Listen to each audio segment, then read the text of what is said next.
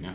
Tai žodžiu, berniukai ir mergaitės, man iš dešinės sėdi Vaidas Navickas, jisai man yra davęs tokį teisingą pastebėjimą, kad, sako, tu armėnai blogai pristatinėjai žmonės, nes pasiro, kaip paaiškėjo, tie Facebook'o burbulai, žinai, gali nesutapti ir labai skirtis. Ir tu, aš galiu gyventi vienam burbulė ir man vieni žmonės gali būti super pažįstami, jūs galite gyventi kitose burbuluose ir atitinkamai turėti savo žmonės. Tai aš net turiu pasiruošęs užrašų, čia įsivaizduokit, ir čia ne vien tik tai birkos ir svastikos. Ir čia turbūt eros pabaiga, man atrodo, yra, kad jau armėnas pradėjo pokalbams ruoštis ir keiktis nustojo ir rantų mažiau. Pamesti ir... savo visus klausytojus. Da. Kas toliau, žinai, gera garso kokybė, kas, kas čia Jėzus Marija, čia Dieve Dieve. Tai va, žodžiu, pas mane čia yra parašyta taip. E, Vaidas Navickas, ponas ir ponai. E, kaip čia pas, dabar pasakyti, praeitį ilgametis Amerikos lietuvis. E, Galbūt. Aha. Aš tave pasaiberstokinau, ten biški linktinose pasižiūrėjau. No, no. Išsilavinimo neužrašiau tavo. Vat, yeah. Grįžom į formą, iš karto nesibaigė. Uh, Jėlį tu, man atrodo, baigėsi, ne? Ir tą esu baigęs, prieš Aha. tai čia buvo mano toks School of Management. Aha o prieš tai dariausi magistrą fizikos mhm. Čikagos universitete, o dar prieš tai filosofiją koledže studijavau, toks Middlebury College, Vermonto valstijoje, kuris yra Lietuvoje žymus tuo, kad ten ir Dargužaitė mhm. studijavo, tai mes kartu studijavome prieš daugel, daugel metų. Ir dar Bernis Anderso homesteičiai. Taip, tai aš už jį žinok labai, labai remiu žmogų.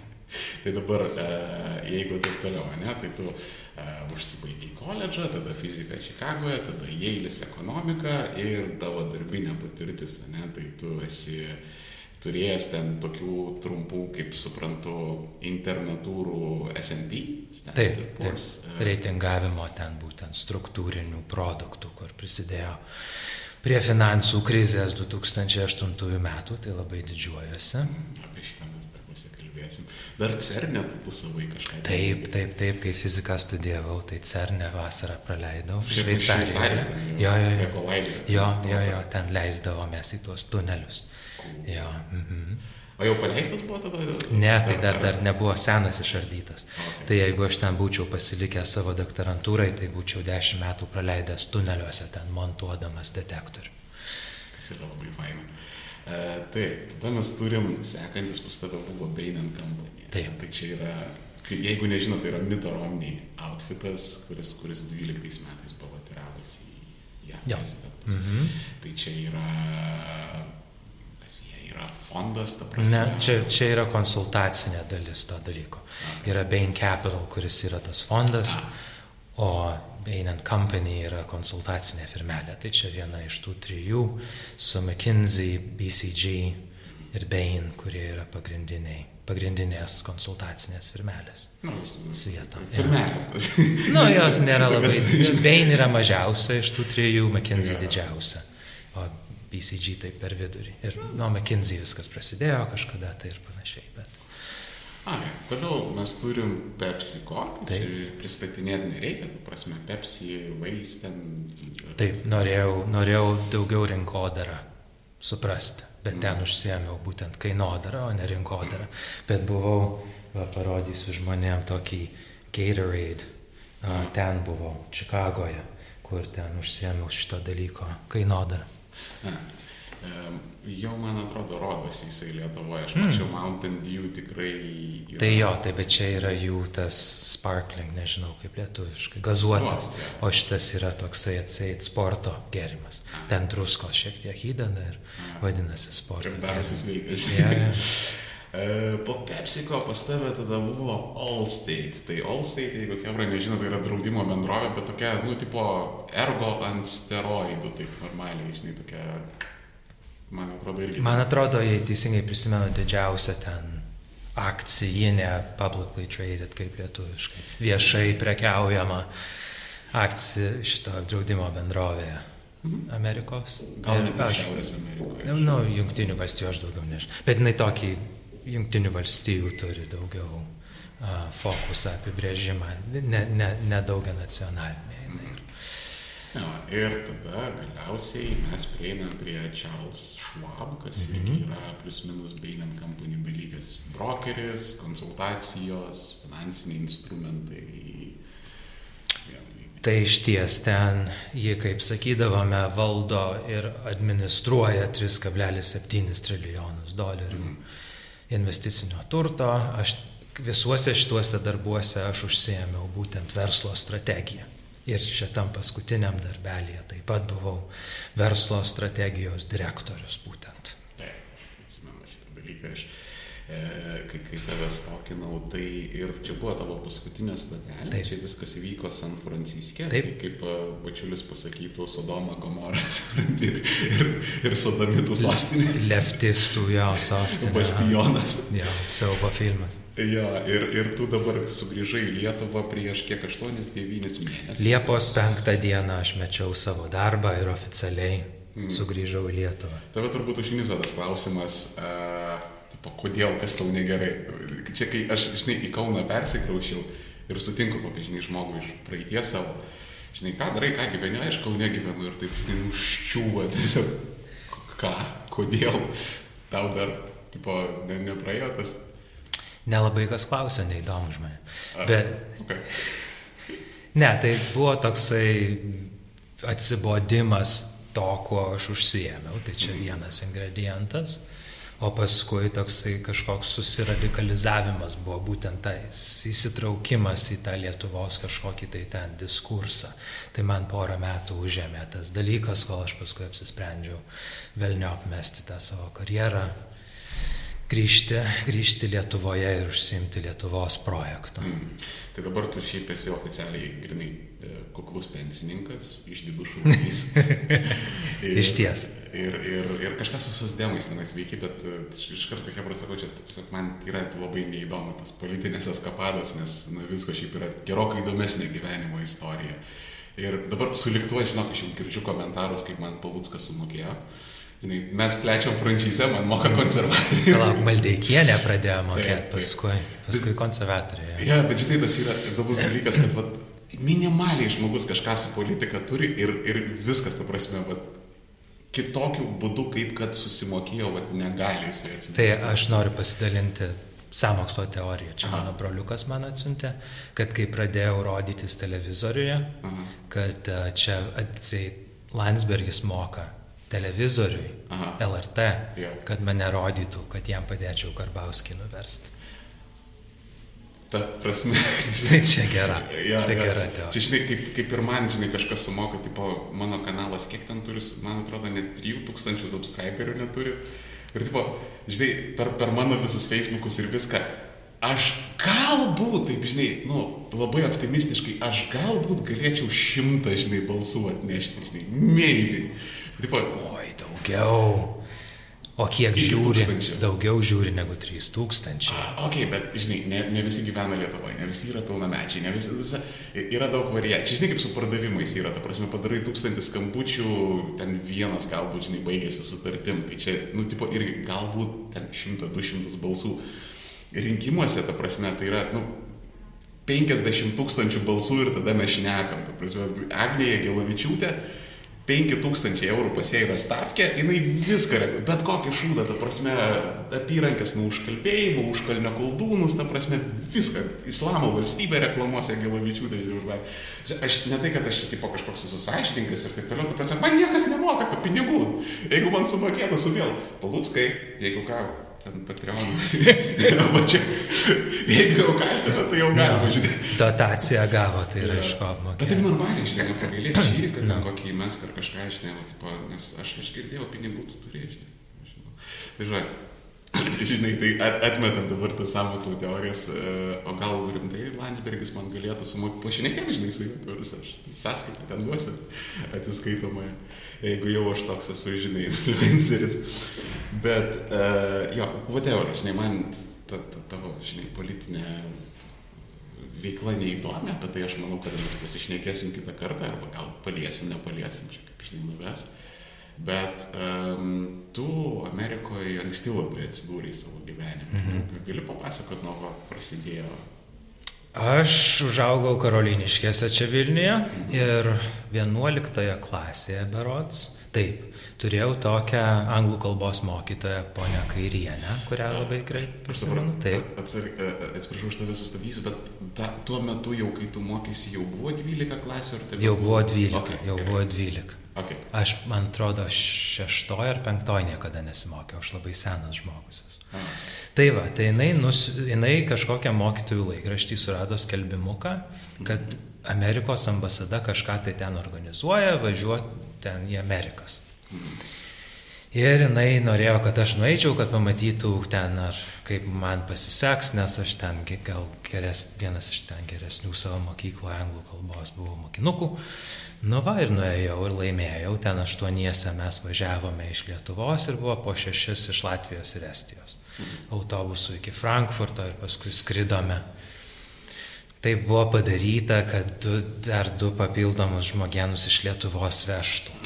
Tai sutaupė skridimų iki Frankfurto, tai su autobusu važiavo. Atsimenu, tai va. autobuso kelionės ilgasis. Tai va, tai nuo to prasidėjo viskas ir 92 metų rūpjūčio 13 dieną nusileidau Bostone ir nuo to prasidėjo mano, kaip jinai vadinasi, amerikoniška svajonė. Mhm. A, tave kas tenais priėmė? Tai buvo čia tokie atseit mainai, tik niekas čia nevažiavo į Lietuvą, bet važiavome aštuoniese iš Lietuvos ir ten, nežinau kaip lietuviškai, host family, tai su šeimom ten apgyvendino, mane prie Vašingtono, aš kažkodėl prašiausi kažkaip gal jau tada norėjau į ten, į politikas eiti. Žinai. Tai aš prie Vašingtono metus gyvenau, o ten dauguma, man atrodo, į Kaliforniją važiavo. Mhm. Paskui jiems labai pavydėjau. Aš, tai, aš žinau dėl ko, nes, prasme, Vašingtonas Mes keliai yra. Tikrai nelabai faina gyventi, ypatingai, kur ten prasideda, žinai. ne, nu, ten nieko ypatingo nėra, žinai, bet labai turtingai gyvena ten matyti antrą turtingiausia ten po kokio San Francisco, ten tas visas lobizmas ir visas tas uh, gynybinė pramonė, ten yra aukso kasyklos, tai ten iš tiesų, iš tiesų labai, labai pasiturinčiai gyvenanti vieta. Bet kontrastai labai dideli, ta prasme, tu ten nuo, nuo Kapitolijos, ten jo, keliasdešimt kilometrų nuvažiuoji ir ten crackheadai ir ten prasideda. Tai net ne keliasdešimt, ten prie pat. Prie pat, ja. Nu, tai, Normaliai. tai ten viskas tvarkosi, žinai. Tai koks skirtumas? Kaip Kaunas, taip ir Vašingtonas. Žinai, tvarkosi. Dėkui. Viskas, okay. E, tai, žinai, jokio skirtumo, tave vis tiek atveža su eskalaidu, iškrauna, susirenka tas krekėdas, ten stovi, nestovi, tau, žinai. Dėra. Tai ok, uh, strigai šalia Vašingtono, ne? Tai tu dabar Amerikoje ėjai 11 klasę. 12, 12, 12. tai aš pasibaigiau mokyklą Amerikoje ir tada ėjau ten visai ten pinigėlių prasimušinėjau, kad eiti į tą koledžą. O kokiu būdu prasimušinėjau? O viešpatie, nu tai... Ne, nu tai ne taip, ne, nu tai čia aš prisiskaitau dabar ten visokių istorijų. Kai, tai Amerikoje dirbti, ne, nu, aišku, nelegaliai ten visi dirbdavo. Aš ten to nelegalaus dalyko nedaręs, aš kažkaip tai ten prasimušiau per kažkokius tai ten aukštesnės visų, aukštesnius visuomenės sluoksnius man ten kūno pardavinėti neteko. Ir kažkaip ten susiorganizavau tų pinigėlių.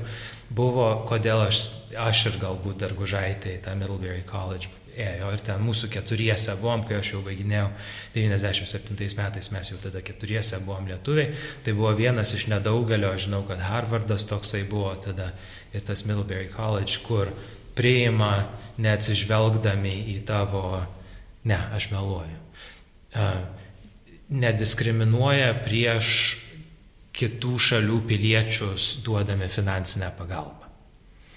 Tai jie... Tipo, kvotų nėra. Nu, ta prasme, daugum, ta, kas yra aukštasis mokslas Amerikoje, tai yra eksporto sritis. Mhm. Tai visi užsieniečiai ten važiuoja ir moka tas pilnas kainas, kurios ten dabar nežinau, ten kažkada pažiūrėjau neseniai, ar tai 60 ar 70 tūkstančių į tą Middlebury College į metus mhm. yra tokia pilna kaina ir tai yra eksporto sritis, kur ten iš užsienio atvažiuoja ir pilna kaina mokė. Mhm. Bet yra keletas mokyklų, kur um, tau netgi iš užsienio atvažiavusiam gali ten duoti tą finansinę pagalbą. Tai vietoj to, kad tau 70 tūkstančių reiks mokėti, tai tu ten gausi 5, aš ten lyg tai po 5000 ar kažkiek tai skolos į metus gaudavau. Ten studijuodamas, gal iškelį mažiau. Ir, ir, ir, ir ten dirbau. Ten bibliotekoje kažkokias ten knygas katalogavau. Aha. Tai va iš to ir daug, o tu, nuo tų daugumos tų visų um, įmokų mane ten atleidę buvo. Tai va taip, tokią, tokią susiradome ten mokyklėlę, tais laikais visiška ubagystė buvo. Mhm. Dabar tai yra iš Lietuvos verslininkų ir influencerių ir taip toliau, ten važiuojančių su savo pinigais, juk dabar tai čia kas čia susimokėt porą šimtų tūkstančių dolerių. Easy, visiškai, prasme, jo, aš žinau tikrai ne vieną žmogų. Ne, nu, ten kokią lubytę, nu, taigi, na, iš savo milijonų ten keletą tūkst, šimtų tūkstančių susimoka ir viskas puiku. Tai prasme, čia, man atrodo, pasirausis ten pamašino sėdynę, ten, kur, žinai, centų prikrenta. Nu, man atrodo, jinai tas porą šimtų nu, tai tūkstančių. Aš... Nu, čia disclaimeris, aš nieko nežinau, bet vien žodžiu. O tais laikais tai čia buvogi visiškas subagynas to Lietuvoje. 92-3 metais, tai čia buvo rimta.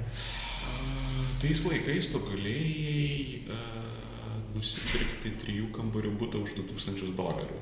Nu. Prasme, tai metinė furisto alga Amerikai tuo metu. E, ne metinė, atsiprašau, mėnesinė. Nu, ja.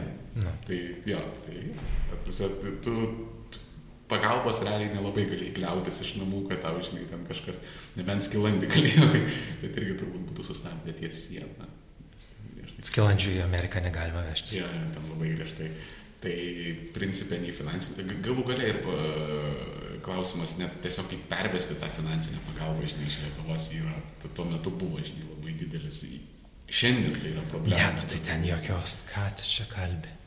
Jokios net finansinės pagalbos iš Lietuvos. Apie ką mes kalbam. Ja, nu tai va, tai reikėjo ten susikombinuoti ir susikombinavau kažkaip. Dabar e, Middlebury College mm -hmm. tu filosofiją studijavai, ne? Aš pradėjau nuo to. Okay. Ne, aš pradėjau, ne, palauk. Aš, jo, pradėjau nuo to. Mm -hmm. Aš pas, nu žinai, kaip ten Amerikoje stoji į koledžą, o ne į kažkokią specialybę, tai ten gali, yeah. ką nori tą studijuoti. Tai man... The minor, major. Jo, tai, bet tuos major galima keisti kiek tik nori. Tai aš esu buvęs, man atrodo, ekonomikos, fizikos, prancūzų kalbos, nes ten ėjau į tokią vasaros mokyklą, kur finansavimui gauti reikėjo būti ten prancūzų kalbos major. Ir paskui e, filos, ir fizikos ir filosofijos, dabar neprisimenu, sekos. Jo, filosofijos, o paskui persivedžiau į galą į fiziką. Tai va, tai baigiau ten su dvigubu filosofijos ir fizikos tuo major. Ir tada ėjau į tą Čikagos universiteto doktorantūrą, į fiziką būtent. Čia tas pats uh, legendinis Čikagos universitetas, kur mm. Čikagos ekonomistai jo. visi apie šitą mažinę. Čia, čia tas pats. Okay. Uh, kaip tu ten, ta prasme, vėl uh, verteisi kažkokiais uh, darbais, darbeliais? Ne, tai jau dar... pradėjau tuo metu jau kažką. Doktorantūra yra labai kitokia, nes ten yra nepriima, jeigu nėra pinigų. Dabar tu galėtum laimėti ten kažkokį tai stipendiją, yeah. kur, nežinau, gal iš Europos, nu dabar tai visokių čia tų stipendijų yra, tai ir iš Lietuvos matyt galima būtų kažką atsivežti. Bet kaip nebūdamas ten Amerikos piliečių, aš nieko ten negalėjau laimėti, bet tai jeigu tave priima į doktorantūrą, tai tau kažkiek tai duoda ten tų pinigėlių, tai ten už juos reikia atidirbti. Aš mhm. mokiau pirmą kursus fizikos ir ten visokiose laboratorijose padėjau ir panašiai. Um, ir už tai ten mane atleisdavo nuo tų mokslo įmokų ir duodavo ten po, neprisimenu, 1400 eurų, dolerių, dolerių į mėnesį. Algos tokios. Tai ten, kai tave priima, tai jau tada duoda pinigus. Bet doktorantūra tuo skiriasi, kad ten yra išravėjimo dalykas. Ten prisileidžia daug, ir tada apsisprendžia, kuriuos verta ten pasilikti. Tai tuo, tuo jinai skiriasi nuo, nuo šiaip mokymosi, nuo bakalauro studijų. O kas per fiziką pas tave, tu sakai, kokios ten? Aš buvau patekęs, mes apie tą CERNą jau kalbėjome, aš ten patekau į aukštos energijos eksperimentinę fiziką. A, už tai, tai už tai su fundamentaliais dalykais. Nu jo, nu ten to Higgso bozono ieškojau. Aha. Dar tada nebuvo tas hadronų kolaideris pastatytas dar tik tai. Elektronų, pozitronų te buvo, bet mano ten tas darbelis buvo kokia tikimybė, kad mes dar nematėme to Higgso bozono. Mhm. Tai va tokiu darbeliu ten užsiemė. Na, man atrodo, turėtų labai patikti Erikas Weinsteinas, jeigu tokį pažįsti. Šito, šito žmogaus podcastą aš apskritai galiu parekomenduoti, jis vadinasi The Portal. Ir ten labai daug kalbų yra apie fiziką, fundamentalius dalykus ir panašiai. O ten, čia, žinai, off topics. Tai tu dabar pasibaigiai doktorantūrą. Nepasibaigiau, aš ją mečiau. A, ok. Tai va, tai man tada iš atėjo toks praskaidrėjimas. Nes supranti, kaip, kaip yra su tam fizikom, ne? Ir visiems, tarp kitko, tiksliuosius mokslus labai rekomenduoju, aš viso to, ką pasiekiau gyvenime, nebūčiau pasiekęs, bet tiksliųjų mokslų ir taip toliau. Tačiau reikia prisiminti, jog kaip yra su doktorantūrom. Vienas profesorius išgimdo ten po keletą doktorantų į metus. Ir tam, kad visi doktorantai tada surastų darbus toje srityje, jinai turi geometriškai aukti. Ir yra buvę fizikos ten auksiniais laikotarpiais, kai ten Manhattano produkt, pro, projektas buvo, ten bombas statė ir taip toliau. Nu, tai, tai ta 40. Ne, nu tai ten, man atrodo, anksčiau šiek tiek tas užsibaigė. Bet tai kol buvo Sovietų sąjunga. Ja. Tai ten tų fizikų reikėjo ir juos samdė. Mhm bet tai prisiminkime, jog kai nustoja samdyti, tai tada ten tų profesoriaus pozicijų yra keletas, nu apskritai visose jungtinėse valstijose, nes kai tave pasamdo, tai juk kol tu 30 metais iki 70, tu ten 40 metų dirbi. Ir tas darbas toksai, kur tave, jeigu tu tampi pilnu profesorium, tavęs neišmes. Ten yra tas dalykas, aš nežinau net kaip į lietuvių kalbą išversti, yra tenure. Jo, jo. Kažkas, kur, no. ta prasme, jeigu tai. tu jau tą statusą pasiekai, tai mm. būtent. Aš nežinau, tu ten turi ten studentą išprievartauti, prasme, ten jo. žmogų nužudyti, kad... Kitaip neišmes, neišmes. Jo, tai va, tai tada neauga tas mm. dalykas, tai kiek numiršta, tiek yra naujų vietų arba išeina ten į pensiją kažkodėl. Tai. tai man tikrai jokių ten šansų kažkokį tai ten profesorį, profesorystę kažkokią pasiekti, apskritai jokių šansų nebuvo. Tai man tas dašuto ir čia toksai ekonominis mąstymas jau yra. Nes nuėjau ten iš tokio intelektualinio alkio suprasti tą fiziką, bet paskui iš kažko tai gyventi reikia, tai supranti žmogus, kad netaip, netaip paprasta yra tam pasaulyje, kaip iš pradžių atrodo. Tai va, tai tada mečiau ir darbą susiradau. ir tas darbas buvo, tas buvo, buvo to... Standard Poor's ir... Ne, ne, tai pirmiausia, aš uh, tokiam startupelį. Čia dar buvo 2000 tieji, mhm. pir, 2001 neprisimenu metai, tai jau tas dotcom būmas jau baiginėjosi, mhm. Bet aš į tokį startupelį startuolėlį lietuviškai kalbant, nuėjau Čikagoje ten duomenų toksai, žinai, duomenų bazių kūrimo, ten programavimo, nes kurgi mano visi ten kolegos iš tų fizikų ėjo, tai tie, kurie dabar yra multimilionieriai, tai jie, jie į bankus ėjo, okay. bet kuo, kuo užsiemė jie bankuose? Programavimu. Mm, arba analitika. Mm, tai ten jau daugiau ekonomistai ir visokius ten Harvard Business School pasibaigė. O, o tie fizikai, nu, mhm. mano bendruomenė, yeah. tai daugiau ten, ka, kame buvogi visas tas, tas uh, greitas uh, prekiavimas speed trading. Tai ten kuo efektyvesnis algoritmas, kad būtų, kuo arčiau tas tavo kompiuteris prie ten duomenų šniūro, nes ten to šniūro, žinai, ilgis tau sulėtina tavo tą, nu, Mes ten fiziką. Jo, jo, jo, tai kad tu pirmas žemiausią ten pateiktum kainą ir mm. iš tavęs tada pirks, nu, tai reikia tokių efektyvių skaičiavimo algoritmų ten visokioms kainoms, tai kur mano labiausiai pasiturintys ten pažįstami iš tos University of Chicago, tai jie būtent to užsiminėjo. Ir kad, kadangi man programavimas yra dušios, žinai, mirtis, tai mm. aš labai džiaugiuosi, kad ten ne, nesižudžiau su tuo dalyku. Bet, e, žinai, vat aš pastebėjau tokį dalyką, va tu kai sakai, kad um, į analitikas labiau eina ten iš business school no. ir panašiai. Mm -hmm. uh, šitie mano žodžiai yra patvirtinti daugybės empirinių tyrinėjimų Aha. ir, ir mano asmeninė patirtim, kad pasirodo, geriausia analitikai yra fizikai ir inžinieriai. Patys prašiausi ir su blogiausiais track rekordais tai yra, nu, ekonomistai. Ta prasme, iš ekonomistų backgroundo išėję. Mhm.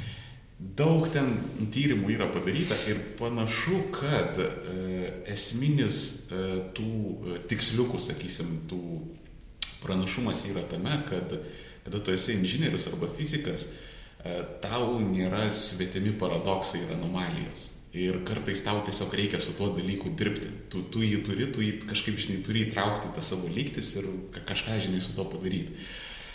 Pas ekonomistus dažnai tos anomalijos kaip ir, nu, nelabai yra. Ten, pavyzdžiui, aš e, girdėjęs esu ten daug, daugybę kartų Janį Varufakį pasakojant, kad, nu, tipo, ekonomistai pasidaro modelius, e, bet ignoruoja visiškai, kad gali būti kažkokia, žinai, krizė, recesija, ne, kaip pavyzdys. Tai, vat, kas, čia toks biškiai autopikas, bet kas, kas yra įdomu, tai tiksliukai analitikoje daug geriau šarina ir varo negu būtent tie ekonomistai. Nu tai puiku tą girdėti. Aš ne, ne, man ten galima apie tą ekonomiką kalbėti, nes ten ten yra tikrai problemų ir mes matėme ten tas problemas 2008 metų krizėje, bet tai tas buvo juk visas tas intelektualinis pastatas pastatytas per daug daug metų ir jisai pasirodė, kad jisai visiškai nieko nebuvo vertas. Tai um, jie gal yra gerų ekonomistų, nu, kaip gerų fizikų pasaulyje galima ant rankos pirštų suskaičiuoti ir gerų ekonomistų irgi panašiai yra paskui visa kita yra tokie nausėdos ir mačiuliai.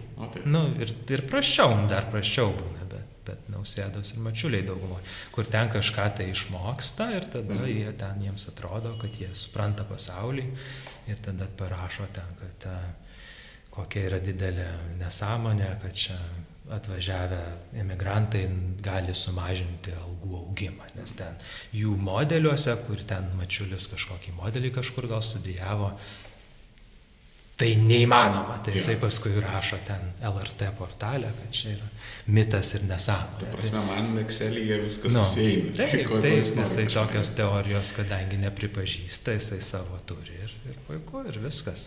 O žiūrėk, šitą aš noriu va, trumpam atidėti, aš tiesiog mm -hmm. noriu pabaigti, e, tu įsiprūdėjai į Jailį ir Jailis čia yra Ivy League, ta prasme, no. čia jau, no, jau taip. rimta. Mm.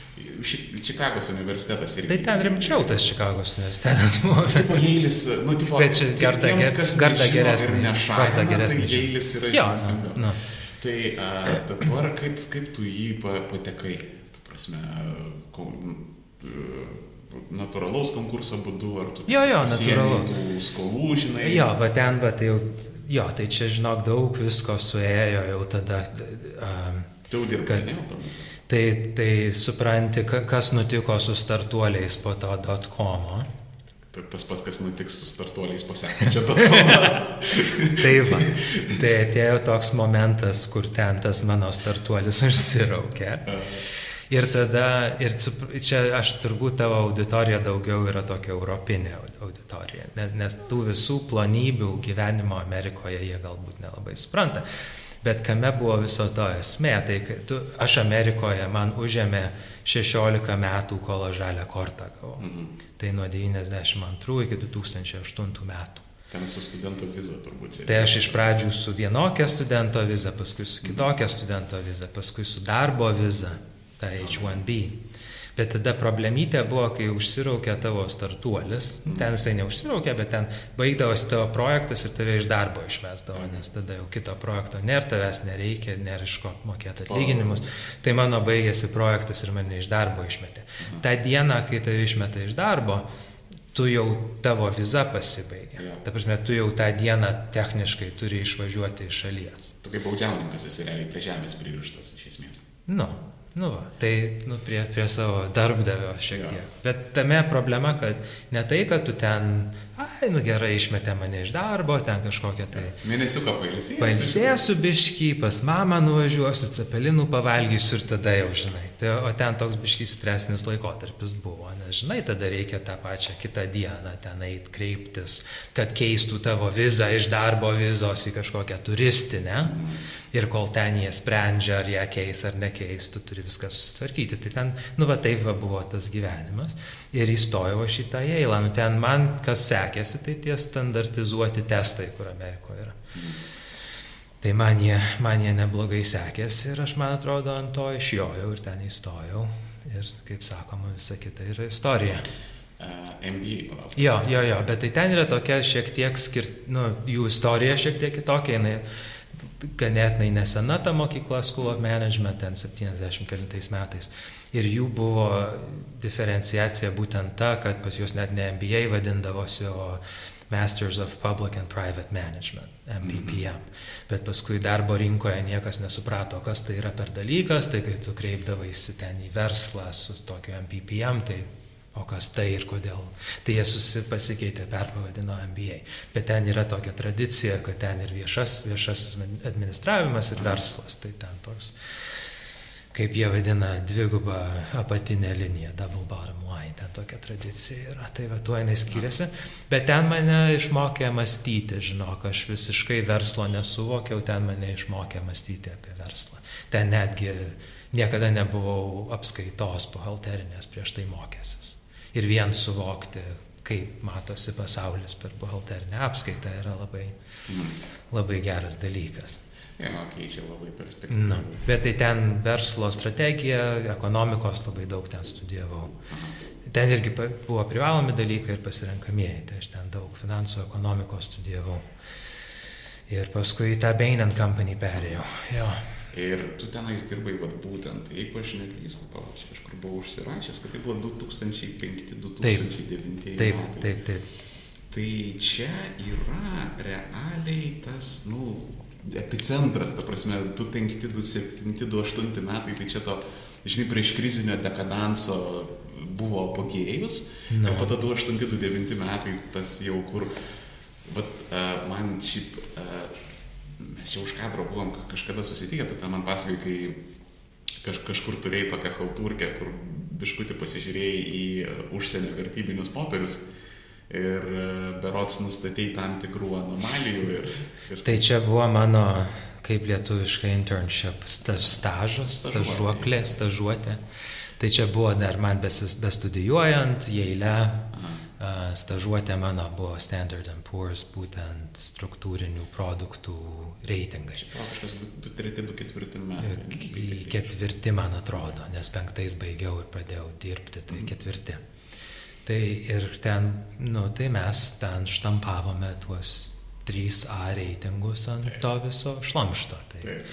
aš būtent tą mačiau iš, iš vidaus ir ta prasme ten nieko, nieko ten baisaus nebuvo. Tai tie reitingai, kame yra įdomus, nes čia vėl mane klausė pirmadienį žinių radijoje, čia Fitch padidino Lietuvos reitingus. Tai čia, mm. o, va, kaip puiku. Tai reitingai šiaip jau juos niekas nekreipia dėmesio Ta prasme, jeigu esi finansų ten kažkoks tai nu, dalyvis rinkos, tai tau tie reitingai tik tai reiškia kažką tai iš reguliacinės pusės. Jeigu tau negalima ten šlamšto junk pirkti, tai tu negali ten pirkti kažką, kažko, kuris neturi to investment grade reitingo. Bet visiems kitiems tie reitingai, juk jie yra visiškai nesvarbus, bet jie yra reikalaujami. Ir ten buvo tokia, tokia beveik monopolija. Tuo metu buvo trys reitingų agentūros - Moody's, Standard Poor's ir Fitch. Ir reikėdavo dviejų reitingų. Tai tu eini pas visus tris ir tada ten tau, žinoma, padaro tokį proformą įvertinimą ir tu iš tų trijų žinai, ko, kiek tu gausi ten tų trijų A ir kiek mažiau, nu, kiek ten kaip lietuviškai tranche, nu, kiek, kiek, kokį gabalą, kokio dydžio gabalą galėsiu pavadinti 3A. Ir tau tos trys agentūros pasakys jų manimų, kiek tu to 3A gali pagaminti iš šūdo. Mhm. Ir tada, kur daugiausia sako, tai tu pas tas dviejini. Nu, tai toks buvo verslo modelis. Mhm. Ir ten buvo ten visokių ten modeliukų, kur ten kažkokius Monte Carlo darydavome ir ten išspjaudavo, kad va šitie galima galima ten vadinti 3A. Nu, mm. Tai viskas ten buvo gražu ir tarp kitko viskas buvo vieša. Visi tie modeliai yra vieši, visas tos prielaidos, kurios yra dedamos. Tiesiog, e, Yra vieša, tik, ne, nu, tai ir bankai visą tą turėdavo. Jie netgi pas tave neturėdavo ateiti, kad žinotų, jie būtent optimizuodavo tą struktūrizavimą taip, kad jeigu jie ten eis pas tave Standard Poor's, kad per tavo modelį ten prasukus tą visą dalyką, kad ten kuo daugiau išeitų, tai 3A. Nu, tai, tai toks buvo verslas. Ir ten aš tokį projektelį dariau, kad ten buvo jau 2004. Aš nesakau, kad ten aš mačiau, kad jau čia ateina kažkokia krizė. Bet ten tas visas reitingas, nu tai kas jisai yra, nu tai yra kažkokia tai tikimybė, kad ta tavo obligacija neišmokės. Jo. Ir kuo ilgesnis laikotarpis, ten nuo 0 iki 30 metų, gal dabar ilgiau, nes dabar šimto, šimtametinių ten obligacijų. Bet vienu žodžiu, Jo, nu, yra ir, ir, ir kas yra tas 3A reitingas, nu, tai reiškia, kad ten dešimties metų laikotarpį ten tokia tikimybė, kad jisai pilnai neišmokės, ten dvidešimties metų laikotarpį jinai šiek tiek didesnė. Ir, va, toks, va tai būtent ir yra reitingas, jinai yra tikimybė. Ir jie ten normali, nu, tada žiūri, tai prieš 20 metų aš kažką reitingavau ir kaip man nusisekė nuspėti. Ne? Tai yra ir istorija toks reitingų tranzicijų vadinasi, istorija. Nu, tu, Nu, tiesiog tu projektuoji track nu, tu į 3A, bet ten kažkas atsitiko ir sumažėjo tas 3A. Gali ten iki visiško defaulto numažėti, bet ten žiūri į tas reitingų tranzi- tranzicijas istoriškai. Ir būtent tą projektelį žiūrėjau, ten jie per, perkeitė visas tas, perskaičiavo tas visas tikimybės. Bet taip, kad kai kuriuose vietose ten tos tikimybės taip 40 kartų pasikeitė. Mhm. Tai nedaug, žinai. Nu, nu, ir aš taip parašiau tokį darbelį, nu, sakau, va, jūs padarėt savo studiją, naują, publikavote ten lentelę tų savo tikimybių ir ar žinote, kad ten šitoje vietoje 40 kartų pasikeitė, o kitose vietose mažiau. Nu. Tai jau ten kažkas, kažkokie žaidimai jau buvo žaidžiami tais laikais. Tai principė tu buvai kaip, e, žinai, tas... Toks naivus, žinai, Aš norėjau pasakyti, kad yra tas toks e, memas, kur tipo komiksas, ten kažką korporatyvė, ten visi šneka, vienas pasikelia, pasako tiesą ir iškelia per langą. nu Tu taip, ten- vis tu- ir tu- išspyrė mane pro langą. Ja, tai, Ir e, daugiau ten nebedirbau. Aš vaidavai šiaip esu ne, ne vienas žmogus su, sutikęs, kur turėjo problemų už tai, kad e, pra, prasižiojo. Jo, E, Ir, ir, yra buvę tokių, kur irgi savo laiku kažką pamatė, mm. atėjo pas vadovybę, žinai, su skaičiais, vadovybė Jo. sako, okei, okay, double checking, triple checking, mm. double checkina, triple checkina, okei, okay, dabar padedam į stalčių ir pamirštam, žinai, buvo tokie dalykai. E, nu, be, bent jau man yra žmonės pasakoja tokius reikalus. Tai, e, bet, žinai, vis tiek pas mus, čia Lietuvoje ta krizė buvo tokia, nu, vi- vis tiek lakas yra tam tikras, ta prasme, e, e, ta didžioji recesija su lagu atėjo į Europą, šiokiu tokiu, ir į Lietuvą, žinai, su šiokiu tokiu lagu atėjo. Ir, nu, mes matėm ten, žinai, Lehman Brothers ten užsidarinėja, ten tie visi Freddy Fanny ten prasidėjo, ten Bear Stearns uh, bankrotas, ten žodžiu, ka- kada jau pradėjo Bušo e, Bušo kabinetas tos tarpus, visus tvir, prie Bušo tarpus, ne? E, Kada pradėjo tos tarpus maždaug tvirtinti, jau pas mus pradėjo jau ten, žinai, viskas liepsnoti ir ten jau kalatotas, kaip turi būti, jau, žinai, tos centrifuginės jėgos jau ten įsisuko. Ir e, kaip, sakyk, iš vidaus atrodė, tu, žinai, buvai ten finansiniam sektoriuje, tai, nu, supranti, ten tu, turėjo būti normali panika tarp visų, žinai, tipo, kas dabar bus. Tipo, turėsim darbą, neturėsim, ar čia didžioji depresija, ar kas, man įdomu tas tavo, žinai, perspektyva. E, Tai tie žmonės, kurie nusimanė, tarp tų ir mano kolegos, kur ten bankuose dirbo, tai jie labai tyliai ėjo pinigų pasiimti, grinų. Nes kame problema yra dabartinio bankinio modelio, čia per, per jį išsikešinti. savo pinigus. Nes pas mus ta modernioji bankiniai sistemoje yra suplaktas a, pinigų a, spausdinimas, dauguma pinigų apyvartoje yra komercinių bankų pinigai. Ir mokėjimų sistema, viskas yra suplakta į vieną. Ir tada, kaip, kas atsitiko toje krizėje, tai kad um, buvo prarasta visiškai, prarastas pasitikėjimas kitais bankais. Ta prasme, tu kaip bankas maždaug žinai, kokios pas tave problemos. Mhm bet tu apskritai neturi jokios idėjos, kas pas tavo ten kažkokį kitą banką, o, o juk ten milžiniški srautai tarp tų bankų vaikšto. Ja, buvo... tie, tie mokėjimų srautai yra, yra tikrai labai dideli, jeigu tu vienos dienos ten negauni mokėjimo, tai tas bankas žlunga ir tau neperveda ir tada tu vien dėl to jau žlungi. Ir va būtent tada pradėjo pa, ta panika buvo būtent tai, kad ta mokėjimo sistema jau pradėjo strikti nes būtent dėl to pasitikėjimo. Ir rypo marketas uh, sustojo iš esmės. No. O rypo marketas, tai kaip čia paaiškinti, nu, tipo bankų bankai. Ne, nu tai čia ne, bank, ne, bankų bankai, tai centriniai bankai ir tas Bazelio dar yra centrinių bankų bankas, yra Bazelio. Žodžiu, tas rypo čia... marketas jis tiesiog likvidumas. Nu, tai jo, vieni ten kitiems bankai pinigėlius siunčia tokiais metodais ir kai tai mm. užstringa, tai tada sustoja visa ekonominė veikla. Bankai yra mūsų ekonomikos, visų ekonomikų kraujotaka. Ten, kad nu, kažkokį tai ten deguonį iš vienos vietos į kitą perkelti, eina per kraujagyslės. Nu, ir kai sustoja visos tos kraujagyslės, persipjauna, tai tada viskas ir sustoja. Nu, tai ten buvo, tai buvo savaitė tokia, kai tikrai atrodė, kad neaišku, kas čia bus. Mm. Tai čia principė, galima sakyti, tik tai aš anksčiau šiaip labai pykau ant federalinio rezervo mm. ir ant Europos centrinio banko, kai buvo suvaldytos, sakysim, ir Amerikos ir Eurozonos krizės. Bet, e, žinai, pasigilinęs, pasidomėjęs, pasi, pasiklausęs ten tokių ekonomistų kaip e, tas pats Varafakis, Mark Bly, e, daugybė, daugybė kitų, kurių net pavardžių neatsimenu, aš supratau tokį vieną dalyką, ta prasme, Vat būtent realiai buvo kokią savaitę, dvi savaitės laiko viską sutvarkyti. Ir principė viena, e, kaip pasakyti, ekonomikos sistema, kažkoks, žinai, ne, neoliberalizmo ekonomikos sistema, jinai sustojo.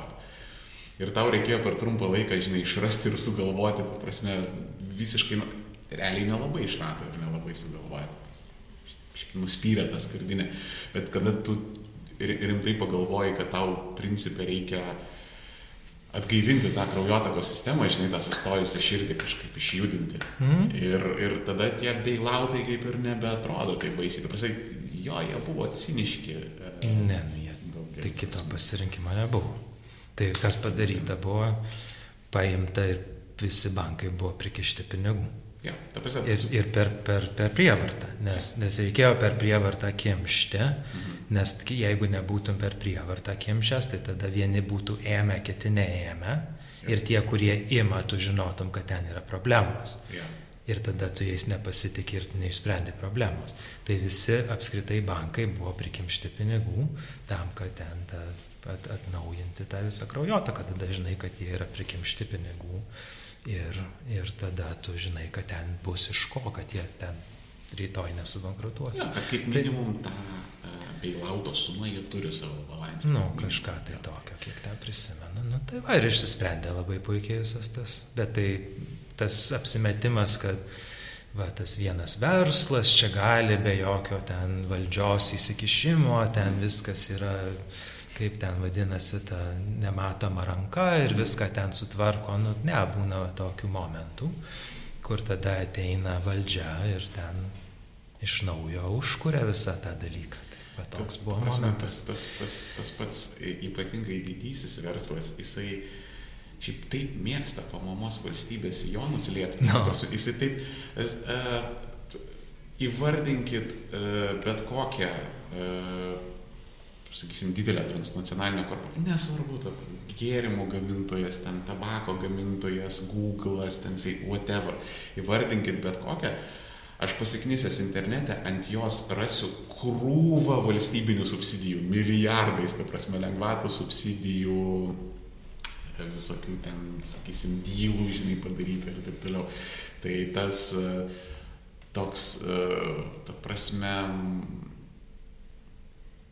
lazy fair, tai žinai, nusistatymas. E... Tai kai kur jisai veikia, nu kokia buvo bulė bulvės pardavinėjantį turgelį, mm. nu tai ten jinai išsikasė, atsinešė į tą turgelį ir pardavė, nu ten, bet pasaulis yra toksai kompleksiškas aš, aš dalykas. Aš net, kad, žinai, gilinuosi, kas veikia, kas neveikia, nes labai dažnai iš tiesų nuo, nuo pačios valstybės priklauso, kas joje gali veikti, kas joje gali neveikti. O čia jau šventa tiesa. Jo, tai čia, čia, ta prasme, žmonės nėra tas lego kaladėlės, kur uh, iš jų gali, žinai, perkūrinėti, perdarinėti. Yra backgroundai, yra išsilavinimo lygis, yra kažkokie istoriniai dalykai, yra demografija, yra, yra, yra daug faktorių. Tai, Bet aš kalbėjau apie tai, kad tas lazy fair e, tarp to, sakysim, didžiojo verslo, e, tas yra, sakysim, tie um, industrijos kapitonai, jie labai dažnai šneka, žinai, apie tą self-sufficiency, kad valstybė nesikišk į mano reikalus, visą kitą, bet tuo pat metu viena ranka jie kaip ir uh, daro tai, bet kita ranka jie krausto, žinai, mokesčių mokėtojų kišenės labai ramiai ima lengvatas, labai ramiai ten dalyvauja ten viešuose pirkimuose, žinai, nu, kaip ir uh, all is good jų pasaulyje. Tai aš tiesiog labiau apie tą, žinai, visą veidmainystę ir hipokritizmą, kad kaip ir mm, mažame lygyje e, tu, tu gali turėti tą, žinai, kapitalizmą ir mažos kompanijos, ir vidutinės kompanijos lygyje, kur, sakysim, tas žmogus gali būti, žinai, užsispyręs libertaras, neims nei vieną ten paramos eurą, visą kitą, tam lygiai tu, žinai, tą, kaip sakyti, prabangą turi.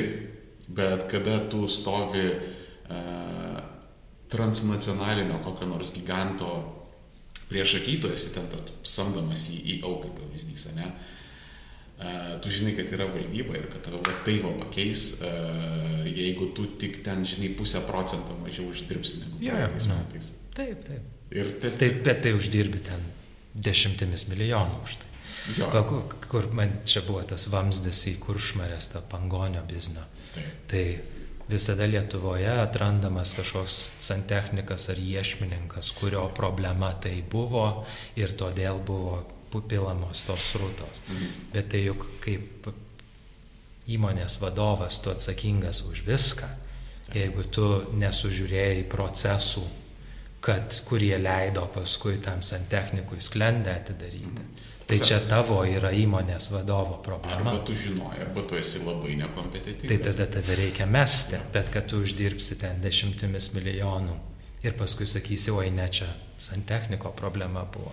Tai, tai ne, nu, reikia prisijimti už tuos didelius pinigus, prisijimti didelę atsakomybę, ko pas mus kartais nesimato. Jo, bet žinai, vis dėlto ir, e, yra tas dalykas, kad e, tas uh, too big to fail dar galioja. Tai žinoma, tai visada galioja. Bet dar, dar vienas dalykas, kad yra valdžios, taip vadinamam sektoriui, vaidmuo būtent makroekonominio stabilizavimo. Tai yra centriniai bankai, kurių bent jau Amerikoje tai ir, ir kad infliacijos per daug nebūtų, ir kad nedarbo per daug mm. nebūtų. Tai būtent tas makroekonominis vaidmuo tikrai yra įrašytas į įstatymus ir niekas ne, nesako, kad jo neturėtų būti. Tai jo, bet, žinai, dabar, jeigu tai biškutį pasigilinant į tos ekonominius dalykus, dabar man bent jau atrodo kaip ta situacija, nes iki, iki krizės, žinai, buvo tas, na, nu, didžiojo optimizmo metas. Mhm.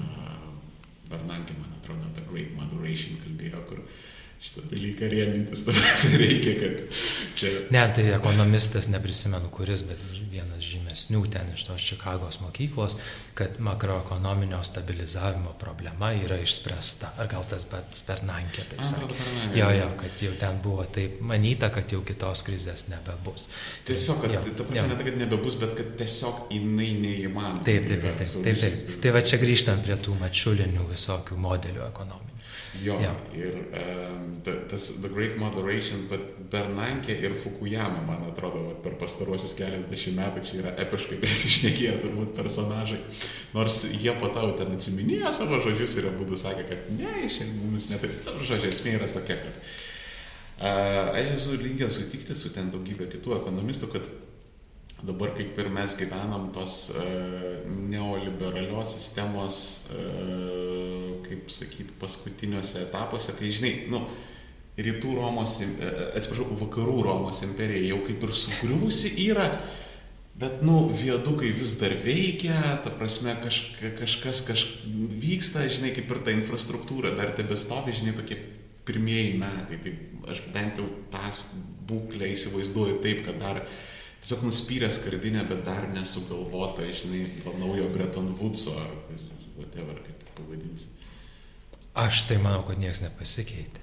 Apskritai niekas nepasikeitė. Buvo ten, kur tie pinigai buvo prarasti, tai mokesčių mokėtojai ten juos sunešė. Mm. Nu, kaip... Tai tuos bankus išgelbėjo, dabar galime kalbėti, ar iš tikrųjų tie mokesčių mokėtojai ten ką nors sunešė, nes centriniai bankai visgi tas obligacijas paskui supirko. Tai ar, ar čia buvo atspausdinti pinigai, ar mokesčių mokėtojai, tai čia galima kalbėti apie tai. Bet daugiau taigi niekas nepasikeitė, aš nemanau, kad ten kas nors galėjo ar ten netgi provokatyviai pasakysiu, kad ten turėjo kas nors keistis. Biznis yra biznis ir ten viskas lygiai taip pat ja, tęsiasi. Kita, kita vertus, e, pasikeitimų yra buvę subtilesnių. Tarkim, e, maždaug nuo tos didžiosios recesijos mm iki dabar e, principė tiek federalinis rezervas, tiek Europos centrinis bankas, tiek Kinijos centrinis bankas, Rusijos, žodžiu, tie didesniai centriniai bankai e, po biški griežtino įvairias taisyklės. Visi kažkada compliance officeris iki krizės tai buvo čiavakas, kur maždaug... Jo, jo, bet tas bankininkystėje daug pokyčių, jo, jo, ten jo. sugriežtintos taisyklės. Ir rimtai sugriežtintos. Um, ir, ir kit, kita vertus palūkanos yra neigiamos arba nulinės, arba beveik nulinės, tai ten tokių pokyčių nemažų yra. Bet taip kaip tas verslas vyko, taip jis ir tebe vyksta ten, kad sakyčiau, čia neoliberalizmo krizė kažkokia tais Tai ne, ne, lygiai taip pat viskas ir yra. Išmokom kažkokias tai pamokas iš krizės ir toliau viskas taip yra. Aš kalbu, kad tai yra lygiai taip pat netvaru, kaip buvo prieš tai netvaru. Ir, ir... Tai va, tai čia aš manau, mes nesutinkame šitoje vietoje. Mhm. Ka, kas yra netvaru? Um, mes išmokome, kaip jeigu ateitų tokia pati krizė, ir niekada tokia pati neteina. Mes kažką tai išmokome, kaip ją galbūt geriau suvaldyti. Ne? O daugiau kas, kas pasikeitė, juk nelabai kas pasikeitė. Ką, e, aišku, ta krizė bus kitokia, aš taip galvojau, kad ar, arba jinai gali kilti iš, iš, iš Kinijos, jeigu mm. paaiškės, kad Kinija nepateisina savo lūkesčių, arba tiesiog e, realiai užtektų nustoti tikėti Kiniją ir jau ten įsisuktų. Ar, ar, tai tada, vat, jeigu yra Kinijos atvejais, tai tada, žinai, klausimas, kaip, na, nu, tai tvarkyti, prasme, ar palikti kinams patiems, ar kažką, žinai, juos finansuoti, bet čia, kai, žinai, ta prekybos karų retorika, tai kaip tu tos kinus, žinai, finansuosi, čia, nu, toks gali būti um, naujų fakapų, apie kuriuos, žinai, mes dar ne, nesam net pagalvoję. Aš esu išmokęs to dalyko ne, visiškai nebijoti. Mm. Um,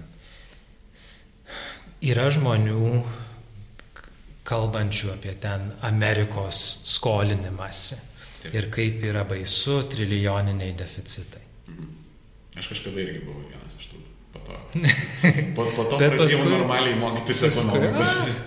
Žinai, Amerika gali nuspręsti bankrutuoti.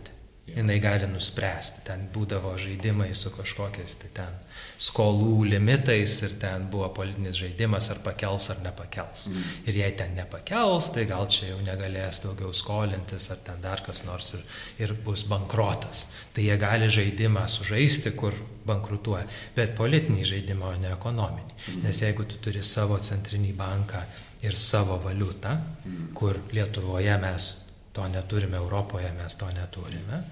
Bet Amerikoje, ar Kinijoje, ar Japonijoje tai būtų nuspręsta bankrutuoti, o kitaip, kitaip, kitaip nebankrutuosi. Visada centrinis bankas gali tave išgelbėti. Pas tave gali kilti daugiau infliacijos, negu tu norėtum, jeigu tu ten turėsi labai daug tų pinigų spausdinti. Tačiau, kad Amerika bankrutuotų, tai Žinai, aš dar pasakysiu, kad aš po, truputį nu, nustojau uh, manyti, kad uh, pinigų spausdinimas būtinai turi koreliaciją, griežtą koreliaciją su infliacija, nes labai Tai mes- tikėjimų paremta daug. Tai tie a, likvidumo spastai, taip vadinami. Tai čia sena istorija. Ir tas. Krugmanas aštuntais metais, jisai savo tą Nobelio premiją už tą dalyką yra gavęs. Žiūrėjo žmonės, kas darosi Japonijoje. Mm. Ir visas tas buvo viskas pilnai suprasta, kad tas pinigų spausdinimas, kai tu esi įstrigęs tam likvidumo spastuose, jisai infliacijos nedidina, bet tai buvo didelis to viso pin... centrinio banko to balanso didinimas buvogi politiškai labai toksiškas dalykas, nes visi ten nesuprantantys tų likvidumo spastų, vis ten reikia, kaip čia to infliacija baisiausia prasidės. Ir tos infliacijos nėra, ne, dar nuo 2000 kelintų ten 8 metų, jinai mažesnė negu ten turėtų būti 2 procentai vidutiniškai. O man atrodo, ten vis dar yra šiek tiek mažiau Europoje iš, Europoje iš viso. Mes tų 2 procentų niekaip ne, nesugebame Man pasiekti. atrodo, tas uh, G7, tas didysis mhm. septynetas, man atrodo, nuo krizės lygtai savo tą, e, tą monetary supply, kaip čia dabar išversti į lietuvių kalbą. Uh, Karočią, žodžiu, savo, savo, savo pinigus padidino ar ten 30 procentų ar kažkas ten tokiamis Daugiau, man atrodo, ten tuos a, centrinių bankų balansai tie ten daug kartų yra padidinti. E, man atrodo, Ne procentais, o kartais. Čempionas yra Japonija, ten visapusiškai, ta prasme, o ten šimtais procentų, bet, žodžiu, kaip ir, vis- nes, pavyzdžiui, pat yra, sakysim, Japonai, kur ten, nu, ten jau iki raudonumo užkaitęs tas spausdinimo. O yra, žinai, vokiečiai, kurie kaip ir neturi savo centrinio banko, tai ten, žinai, viskas išsilygina kažkur apie 3 procentų, žinai, tas G7. Uh, moralės. Čia tai, komentaras, kaip parašykit, tai ten reikės ten, žodžiu. Bet, uh, a, by the way, jo, uh, pra, pražiopsau irgi tokį labai svarbų dalyką pasakyti, jeigu jums uh, gerieji žmonės per ilgai užsitęsė šitas pokalbis ar jums tiesiog atsibosta ir panašiai, apačioj yra time kodai po komentarais bus temam sudėliota, ant jų galite klikinti ir skipinti ten, kur jums labiausiai patinka. Geriausios kokybiškos patyčios ir visa kita. Tai e, aš taip žinai noriu biškai bėgius pakeisti, mes e, čia žiūriu pradėjom strikti tokios, žinai, aukštose materijose truputėlį. Ir e, aš tokio, žinai, norėjau vienu pastebėjimu pasidalinti. Na, E, Žinai, kuo panašus visi tie amerikonai, taip, nu, Am- Amerikos lietuviai, žinai, grįžę čia. i- ir aš vienas iš jų, ne? Jo. Nu, gerai. Čia, žinai, turbūt kažkokį rasizmą padarysiu, nežinau, kad čia Ne, ne. stereotipizuosiu. A, Jūs visi, va, va ta hybrida, kur ten, žinai, gyvenę ilgai, a, išsilavinimą gavę, darbus dirbę, ne, ne šiaip ten, žinai, nuvarę ten vasarą indus paplaučinį kažkur pabaristau. Jūs pasižymė to, žinai, tūkstančio jardų žvilgsnių, pas jūs yra Amerika tiesiog pripratina prie visai kitokių mastelių negu Lietuvoje. Tai prasme, ten dydžiai yra masteliai kitokie, tu esi epicentrė visko, kada tu esi Amerikoje, ypatingai jeigu tu esi vienoje iš pakrančių. Ir, ir dabar tu vad grįžti į tą Lietuvą. Mhm, mhm. Ir turbūt e, tu, tu pastebi, kad Lietuvoje kaip tik tie masteliai yra, supranti, kur, kur nu, jūs ten su teleskopu žiūrite dalykus, o mes realiai traukiam, žinai, ten su mikroskopais. Kad tokie provincialūs dalykai, žinai, pasireiškia kaip, kad uh, mes su tavimi irgi ne už kadro, už, už kadro nekartą esam šnekėti maždaug. O ką mums duos Europą, o ką mums duos NATO, žinai. Nu. Ne, ne ką mes duosim, žinai, Europai ir NATO ir panašiai. Tai a, ar tu, sakyk, pastebėjai tą tokį Aš, aš, atvirkščiai, aš atvirkščiai sakyčiau, aš, aš esu New York'e, kai gyvenau tada, kai ten tos, tam Standard Poor's dirbau. Ir aš ten, New Yorkas man visiškai nepatinka, labai džiaugiuosi ten ilgai negyvenęs, bet ten pagyvenau vieną vasarą. Ir tu ten gyvendamas supranti, kad tai yra kaimas, kad tai yra toksai kaimas ir ten yra jo veikėjai, ten visokiausi, ten jų yra žinios, tai jie, kas jiem rūpi ir panašiai. Tai Jo. visi miestai, kuriuose esu gyvenęs, yra dideli kaimai tokie. Čia ne tai, kad kažkaip tai jie kitaip gyvena, viskas yra ir žmogiškam tokiam lygmenį, tas San Franciskas irgi yra labai nedidelis miestas, ten milijono nėra gyventojų, ten tą miestą gali per skersai išilgai išvaiščioti per vieną dieną, jisai toks kompaktiškas kaimelis yra. Pinigų ten labai daug yra, bet ten visokių problemų, tokių kaimietiškų irgi labai daug. Tai va, tai viena, viena reakcija. Kita reakcija yra, kad ten jeigu tu esi kokia nors Alabama ar ten vakarų Virginija, tai tu vis tiek esi Junktinės valstijos.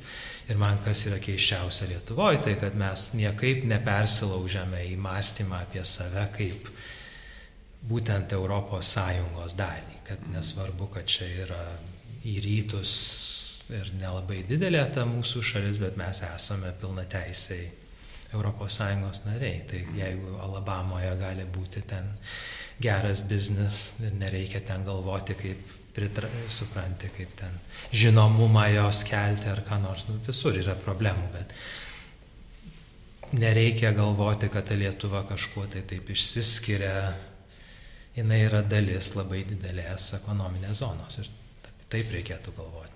Jo, bet sakau, kažkaip aš čia, žinai, čia gali būti anegdotiniai įrodymai, bet aš tiesiog sutinku tuos būtent. E, galbūt dėl to, kad tie vat, Amerikos lietuviai dažnai, žinai, būna ten iš tų tokių aukštų pozicijų atėję, žinai, iš tos labai baltos apykaklės, e, kur tu turi, žinai, ten strateguoti, planuoti. Galbūt jeigu aš ten su tuo furistu, nu, turiu dėdę furistą, tai jo, Bruklinė gyvena. E, e, tu, tai jo, ten nelabai jie domisi tais dalykais, tai čia kaip ir dabar aš suprantu, kad aš biški pastereotipizavau. Ne, bet mano darbas, ta, ta verslo strategija, kur aš 14 metų mm. dirbau, tai būtent mąstymas, kas tai, tai, ką aš žinau, ką tai reiškia už 5 ar 10 metų. Ir būtent taip mane išmokė gyvenimas mąstyti. Tai aš, kai Lietuva sugrįžtų, Jo, čia yra problemyčių visokiausių, visokiausių sprendimų toms problemytėms, bet tame reikia nepasimesti, o sakyti, o kas čia iš tiesų darosi ir kokia yra mūsų trajektorija ir kur mes būsim už 5 ir 10 metų. Jeigu mes nieko nekeisim, tai būtent taip aš žiūriu. Lietuvoje. Aš šitai vietai irgi biškit su kuočiu sutinku, kad e, jo Lietuva ten turi problemų ir kartais jis yra didelis, bet nu, tai yra gerai Nes didelę problemą tu gali, nes kai, kai tau reikia, žinai, kažkokią struktūrinę problemą kokiai labai senoj valstybei, žinai, surasti, kur ten, nu, niuansai, niuansėliai, čia daugiau mažiau aišku, tu turi, žinai, kažkokį, kaip, žinai, kaip buvo, vat, tie sąjūdžio laikai, žinai, -hmm. Priešas buvo jo, jo. super aiškus, ta nu, prasme, no, taip, krištališkai. Taip. Tai vat, čia, čia yra didelis pozityvas, bet e, tu labai dažnai, žinai, tose visose socialinėse, kažkas man rašinėja, klausyt, e, socialinėse tinkluose tu e, dažnai ir, ir, ir viešoje erdvėje, pavadinkim, sklaidaisi, sklaidaisi su, ja, ja, aš, su pareiškimais prieš imigrantus ir tu Aha. turbūt esi labai šlikštus ksenofobas ir, ir, ir nori, nacionalistas. Tai, ja. baisus. baisus. Ir, ir skambini tais pavojaus varpais ja, apie ja, ja. ukrainiečių mhm. imigrantų, mm. kaip čia dabar pasakyti, antplūdį ant Lietuvos. Aha. Ir gal tu galėtum, nes, žinai, tie visi LRT forumai ir visa kita, tai yra, ten, žinai, laiko apribojimai, minutė, dvi ir panašiai. Taip, taip, taip, man buvo tai pasakyta, kad nelabai aš daug dar užsitarnavęs eterio laiko, tai man ten liepta kuo trumpiau. Tai, tai, ja, tai, o va čia kaip tik, žinai, pas mus yra be formato ir va čia va, ja. mes galim išartikuliuoti mm -hmm. maksimaliai viską. Tai pabandykime. Aiškiai tavo pozicija, koks iš tiesų tu esi antisemitas, antiukrainietis ir turbūt Kremliaus agentas ir ten taip tai toliau išsiaiškinti. Landsbergio irgi. Jo, ir Landsbergio. Čia, čia man fantastika, prasme, kai mane būna kartais, mane vienas ir tas pats žmogus apkaltina tarnaujant Kremliui ir Amerikos kostėpačiai. Epik būna, kur ten, prasme, mūsų išsilavinimo sistema, prasme, jie. Yeah. Yeah, tai, uh, tai turime tos ukrainiečius. Kiek, kiek jau atvažiuoja į metus grubiai? Tai Mes, čia, čia aš norėčiau parašyti dar vieną paustelį Facebook'e, nes šiek tiek daugiau žinau dabar. Yra, yra keletas mechanizmų, per kuriuos pas mus atvažiuoja žmonės. Mhm. Tai daugiausia aš esu kalbėjęs apie leidimus laikinai gyventi Lietuvoje. Taip. Tai migracijos departamentas 19 metais jų išdavė 38 tūkstančius. Mhm. 29 tūkstančiai iš tų leidimų yra išduoti darbo pagrindu. Ir ten neprisimenu, bet Ukraina, Baltarusija ir Rusija ten sudaro ar tai 80 procentų ar daugiau. Vien žodžiu, iš, iš būsios Sovietų sąjungos pas mus važiuoja dauguma. Dabar, kai mes kalbame, dar, dar šiek tiek atsitraukiant nuo viso šito dalyko. Mes esame, kaip jau minėjome, ES dalis, mhm. bet mes tą būtent visada užmirštame.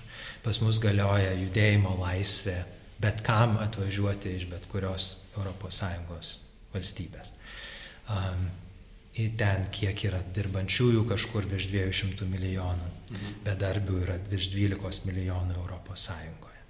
Tai taip kaip šita visa Europos Sąjunga turėtų veikti, mhm. tai jeigu pas kažką tai trūksta darbo jėgos Europos Sąjungoje, pavyzdžiui, mes labai daug sakome, kaip pas mus trūksta darbo jėgos. Mhm.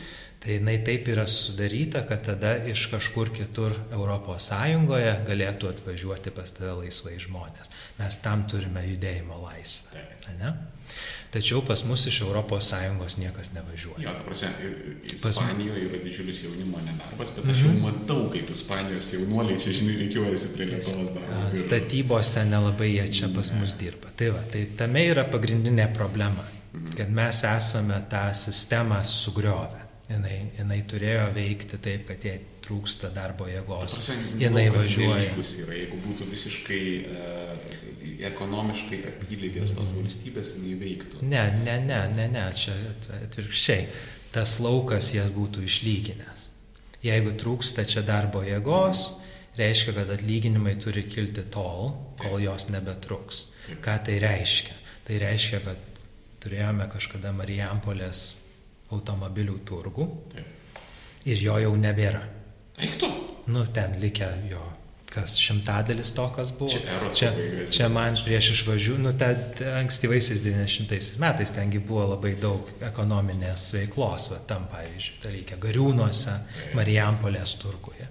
Ir visas tas yra užsiraukęs. Mes ten ne, nebandėme kažkaip ten įsileisti visokių ten tadžikų ir taip toliau, kad vežtų tas mašinas toliau, nes Marijampolės turgų reikia apsaugoti. Tai ekonomiškai, kai tavo atlyginimai kyla, kai kurios ekonominės veiklos pasidaro ne, ne, neapsimokančios, va geras žodis. Ir jos pranyksta. Tai nesukelia kažkokio tai ten nedarbo, nes tada tie žmonės paprasčiausiai pereina ten, kur jų trūksta. Tai furistai pereina į statybas, pavyzdžiui. Ir taip, va, taip va, turėtų viską tai veikti bet mes esame užsikonservavę toj to žemos pridėtinės vertės ekonomikoje, nes žmonės, kurie po gariūnų verslus kažkokius tai Lietuvoje yra pradėję, jie dabar turi politinę galę ir jie gali iškreipti visą mūsų ekonominę sistemą, kad jiems būtų paranku, ar ne? Tai 2018 metais, jeigu teisingai prisimenu, buvo atidarytos mūsų sienos neribojama imigracijai. Toksai surplys, mhm. dirbdamas vidaus reikalų viceministru, atidarė Lietuvos sienas neribotai imigracijai. Čia yra naujas reiškinys. Okay. 19 metais, palyginus su 18 metais, statybų sektoriaus pelningumas mhm. padidėjo daugiau nei dvigubai. Bet algos įtariu nepasikeitė. Bet algos pasikeitė nelabai daug. Aha. Ir aš turiu ten citatas iš Domo Dargio, kiek suprantu, ten to kito Dargio vaikutis, kuris eikai mhm. vadovauja. Nu, tai va, tai jiems yra puiku, va, atsidarai sienas, nedidėja atlyginimai, dvigubėja pelnas. Nu, tai va, tokią sistemą turim. Ir neprarandi eksportinių rinkų. Tai va, tai, jo, jo, čia visokia velnė yra. Tai gerai, tai dabar grįžtame prie tų skaičių, nes Tai sakėme jau, išduodame į metus 38 tūkstančius leidimų laikinai gyventi, iš jų 29 tūkstančiai yra darbo pagrindu. Paskui mes dar išduodame, jei teisingai prisimenu, 37 tūkstančius vizų, nacionalinių vizų, kurios leidžiame, da, D vizų kažkokiu tai, kurios ten leidžia metus dirbti. Mhm. Tai čia yra greičiausiai outsourcas, aš taip įtariu. Niekas nežino. Aš kalbėjau su šaltiniu migracijos departamente. Tai tie 38 tūkstančiai leidimų ir 37 tūkstančiai vizų, jų sudėti negalima, nes kai kurie su, atvažiuoja su viza ir gauna leidimą. Ja, okay. Bet kai kurie ne, tai ta prasme mes dabar jau nežinome. Netgi vien į legalius rautus žiūrėdami mes jau dabar nežinome. Jeigu sudėtume, tai išeina ten virš 70 tūkstančių pernai, tačiau yra šiek tiek mažiau, nes tos vizos persidengia su tais darbo leidimais. Bet dar, bet dar čia dar net nebaigėm, mes dar nebaigėm kalbėti, čia išsidėstykime kategorijas, ne? Tai va tos yra dvi kategorijos. Paskui yra bevizis režimas. Tai mes turim tokį su Ukraina. Su Ukraina turime. A, su Armenija turėsim lygti, ar jau Nu, turim, ar turėsim? aš nežinau, nežinau, bet Ukraina yra ten, ne, neprisimenu, ar tai 30 milijonų gyventojų. Tai vien Ukrainos mums užtenka, jinai 10 kartų už mus yra didesnė, kad mes būtume apskritai, nu, pranyktume tam mes raute, nu, iš ten tikrai gali po milijoną atvažiuoti. Mes iš tikrųjų neribojame, mes iš tikrųjų... Ne... Tai va, tai dar aš, dar aš neuduok, duok man užbaigti. Ir tai kokios kategorijos? Leidimai laikinai gyventi, vizos, bevizis įvažiavimas ir tada visa tai, kas yra semi-legalu, tai yra per Lenkiją komandiruojami ukrainiečiai. Arba su turistinė Nu, atvažiavimo. ir tai tada jau bus paskutinė mano kategorija - nelegali. Ne, Okay. nelegaliai atvažiavę. Bet toks semilegalus dalykas yra, kur apiformina juos Lenkijoje, tačiau jie atvažiuoja į Lietuvą dirbti. Vėlgi neturime jokios statistikos apie šitą dalyką. Ir paskutinis yra būtent atvažiavo iš Baltarusijos su turistinė viza ir dirba Lietuvoje a, nelegaliai. Ir turbūt dar yra mechanizmų, apie kuriuos aš nesu pa, pa, net girdėjęs ar pamastęs. Tai va, kalbė, kalbant su migracijos departamentu, jie nežino. Mes nežinome, kiek čia Galutinis atvažiuoja. skaičius. Mes nežinom, kiek atvažiuoja. Tai va, tame yra problemytė. Aha. Nes aš dabar duosiu pavyzdį, kiek pavyzdžiui kokia nors Amerika atvažiuoja. Ne? Tai Amerika yra 110 kartų didesnė už Lietuvą. Ja, 300 milijonų. 330 dabar, nes jų, nes jų gyventojų skaičius auga. Tai va, tai 110 kartų, bet sakykime 100 taip lengviau yra dauginti. Tai paimkime vien tuos 38 tūkstančius, kur su laikinais leidimais gyventi Taip. atvažiavo ir padauginkime iš šimto, kad gautume tai, o kiek tai būtų jungtinėse valstijose. Tai 380 tūkstančių. Tai čia iš 10 padauginę. Ne, iš, 300. Tai Aš nebuvau reikia- Aš irgi matematikos nesu, fizikas. sti- ne, nesu stiprus matematikoje, bet 300 38 tūkstančius kart 10 išeina 380 Ja, 3 milijonai. ir dar kartą kart 10 išeina 3,8 milijonai. Jo. Čia tik tai vienas iš tų penkių uh, srautų, apie kuriuos mes kalbame. Paskui dar yra ten keturi kiti srautai, apie Jo. kuriuos nekalbame arba iš viso nežinome, kas ten darosi. Mhm. Tai dabar, kame yra mano kalbėjimas? Jeigu yra sausra, tai tu nori lietaus, Taip. Bet tu nenori tvano. Ta prasme yra skirtumas tarp pakrapinimo, nes tau trūksta drėgmės dirboje ir kai tave užpila 10 metrų potvinis. Ne? Ir kažkaip tai viešojoje erdvėje arba mūsų lietuviškame mąstyme kažkaip tai arba vienas yra ju- arba juoda, arba balta. Tai jeigu tau trūksta darbuotojų, tai reiškia, tu atsidarai sienas tokiam nevaldomam masiniam srautui. Ir tame yra mano problema. O, o tas visas nacionalizmas, tai aš sakyčiau, jeigu ukrainiečiai yra ES piliečiai, tai jiems judėjimo laisvė galioja ir tegul važiuoja pas mus kiek tik nori. Nieko aš neturiu prieš ukrainiečius ar ten tadžikus su ES pasais ar dar kokią nors tautybę. Bet jeigu mes nežaisime to žaidimo, kurį esame užsibrėžę, tapdami ES nariais, tai tada mes, va, nežinau, kas mums išeis. Mm.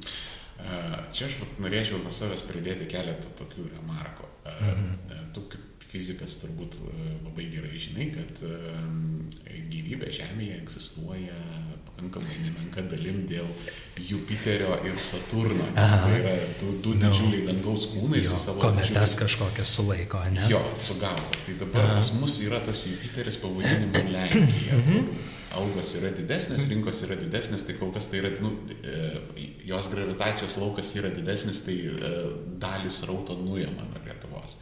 Lietuvoje akstinas gyventi yra, aš tiesiog esu šnekėjęs su tais ten migrantais, aš kai strojkėse dirbau ten. Yra tų, jau aš trojkėse dirbau čia 2016 metais, jau tada jau buvo kas ant, nu gerai, ne kas antras, bet sakysim, kas ketvirtas, kas penktas jau buvo ukrainietis tuo metu. Mhm. Ir aš taip šnekėjausi, tai e, jo, Lenkijoje galima daugiau užsidirbti, Lenkijoje yra geriau, tačiau e, kai kuriems Lietuva yra įdomiau, nes čia daugiau rusiškai šnekančių yra, mm. ypatingai Vilnius rytyje. Tai, mm. Plus yra rusiškos mokyklos, mm. į kurias galima lengviau integruotis, Lenkijoje to arba nėra, arba beveik nėra, arba yra labai labai mažai. Mm. E, kultūra šiek tiek skiriasi, vis tiek Lenkija buvo Varšuvos paktas ir taip toliau. Tai jiems čia yra algos mažesnės, bet, čia sakyti, labiau savo. Tai čia, čia yra tas, taip, taip. E, ačiū Dievui už Lenkiją, sakysim, tai viena, viena remarka. Nu ir atitinkamai nuo Lenkijos nuimas rauta Vokietija ir, žinai, na, taip toliau ir panašiai tas visas dalykas. Uh, tai Čia kaip ir viena yra klausimo pusė. Kita klausimo pusė, tas va, žmogus, kurį aš minėjau, tas Erikas uh, Wein, ne, Weinsteinas, kaip Weinsteinas, whatever, Erikas.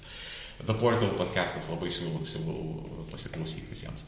Uh, jisai kal, kalba apie tokį įdomų dalyką, kur šiame juodai baltą pasaulyje tai yra daugam labai sunku sutalpinti į, kaukolę tokį dalyką. Apie ksenofilinę migracijos kontrolę. Tai yra, kada tu nesi prieš migrantus per se, bet vat, būtent, kad tu e, nenori to tvano, kad reikia lietaus, kad, okei, okay, jeigu reikia iš tiesų tų chemikų, biotechnologijų, nes čia, nu, prakišinėja šitą dalyką aš ir, ir savo podkastuose esu minėjęs, kad tą visą nežabotą migraciją iš trečiųjų šalių tai prakišinėjo po to, kad mums reikia įtyšnikų, ten biotehnologų, chemikų. Ne, nu tai šitą reikia ten... labai, labai griežtai atremti, nes čia yra mačiulio propaganda. Visiškai. Bet propaganda, kuria prasme, kai tu žinai, kad tu kalbi netiesą, mhm. bet toliau ją kalbi. Ne, tai kalb... migracijos departamento duomenimis tik tai vienas procentas tų atvažiuojančiųjų su darbo leidimais yra aukštos kvalifikacijos, jie atvažiuoja pagal kitą trūkstamų ten profesijų sąrašą. Tai mes žinome, kiek yra tų taip vadinamų aukštos kvalifikacijos, tai yra vienas procentas. Tai tą labai, labai svarbu iš karto atremti. Apie, apie Lenkiją kaip Jupiterį, tai um, mes turim pasirinkimus kaip, kaip politinė bendruomenė. Arba mes būsime ten labai didelės emigracijos valstybė, kaip dabar mes esame, arba mes būsime mažesnės imigracijos, nu, valdomos imigracijos valstybė, kur aš advokatuočiau būtent tą poziciją. Mhm. Dabar jeigu mes būsime, ir, ir, manyčiau, demokratinėje šalyje jos piliečiai turėtų tą nuspręsti. Ne, ne, ne surplys VRM e su žaliųjų valstiečių programa, kurioje nemanau, kad sienų atidarimas neribotai imigracijai buvo įrašytas. Tai jeigu, labai daug kartų dar na žodis buvo minėtas, bet... bet mes jeigu už tai dar nesame balsavę, tai mums priklausytų už tai balsuoti vienai par kitai, mm. mums kaip politiniai bendruomeniai reikėtų apsispręsti. Dabar jeigu mes apsispręsime būti masinės imigracijos valstybė, kaip dabar esame, tai puiku, tada aš nustosiu apie tai kalbėti, bet tada reikia turėti integravimo procesus į Lietuvos visuomenę. Mhm. Nes kuo mes skiriamės nuo vakarietiškų visuomenių, tai kad būtent ir turime mes tas rusiškas mokyklas, tai Amerikoje ispaniškų mokyklų juk nėra. Tu, tu gali ją kaip privačią mokyklą turėti. Yra lituanistikos mokyklų, šeštadieninių, kurias tu gali turėti ir savo privačiai išlaikyti. Bet viešai finansuojamos mokyklos yra tas taip vadinamas lydimo puodas, kur tu sumeti visus tuos imigrantus ir jie išmoksta kartu žaisti ir kalbėti vieną kalbą ir sugyventi. Tai, o mes to visai neturime. Tai tapti, kad taptume masinės imigracijos valstybę, tada mes turime keisti savo švietimo sistemą, turime turėti in, aktyvę imigra, imigrantų integravimo į visuomenę politiką ir, ir tokius dalykus. Man, žinok, kad kalbant apie mokyklas, man ką tik topt vienas dalykas į galvą. Reikės pasitikrinti, aš nežinau, ar pasikeitė tai, bet labai ilgą laiką tautinės mažumos, tai nu, mokiniai e, baigė Lenkų, Rusų mokyklas. Mhm valstybiniuose egzaminuose gimtosios kalbos jie turėdavo daug įvairiausių ten nuolaidų, ten kažkaip kitaip balus skaičiuodavo, man atrodo, ar ten liktai vienu metu nereikėdavo interpretacijos. Žodžiu, atsiranda papildomas akstinas savo vaikus leisti į tautinių mažumų mokyklą, nes valstybiniuose jam bus čiut čiut paprasčiau. Bet, žodžiu, ir e, aš kada mokiausi, žinau, kad vyko tokie dalykai, kur, sakysim, e, būdavo vaikai, kur rusakalbėse šeimose, bet jie mokydavosi lietuvių mokyklose. Ne? Ir tada jie 11-12 klasę eidavo damušti ten į rusų ar į lenkų mm. mokyklą, respektyviai pagal jų backgroundą, nes va, tas važinai mažytis, sakysim, tas pranašumas jiems galėdavo važinai daug ką nulemti. Ja, tai E, manau, esu girdėjęs, nors nesu šimtų procentų tikras, kad jau panaikintas tas dalykas. Tai. Tačiau jo, būtų, būtų paskatos. Bet jis ir gali grįžti, nes prasė lenkai pastoviai iš... Nu, Tomaševskininkai turiu minėti, ne lenkai kaip visuomenė per se, bet uh, tom, Tomaševskininkai pastoviai reikalauja ir išsireikalauja ir tada nuima, tada uždeda. Tai žodžiu, šitas dalykas tai yra kaip herpeso virusas, tam prasme jis nepabėgs.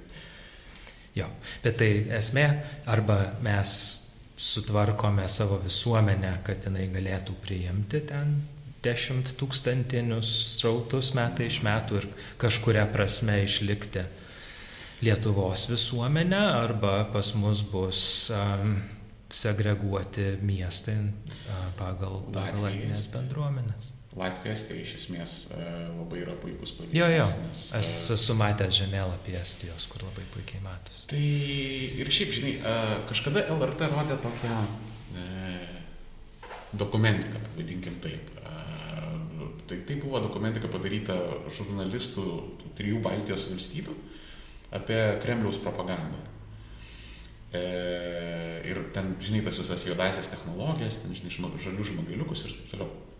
E, apie Lietuvą ten, žinai, aš trukmės neatsimenu, ar tai pusvalandis, ar kem penkios minutės, kažkaip nu, taip, žinai, išlempas. Tikrai nebuvo valandos, bet tikrai buvo daugiau negu pusvalandis. Tai va kažkas tam, tame tarpe.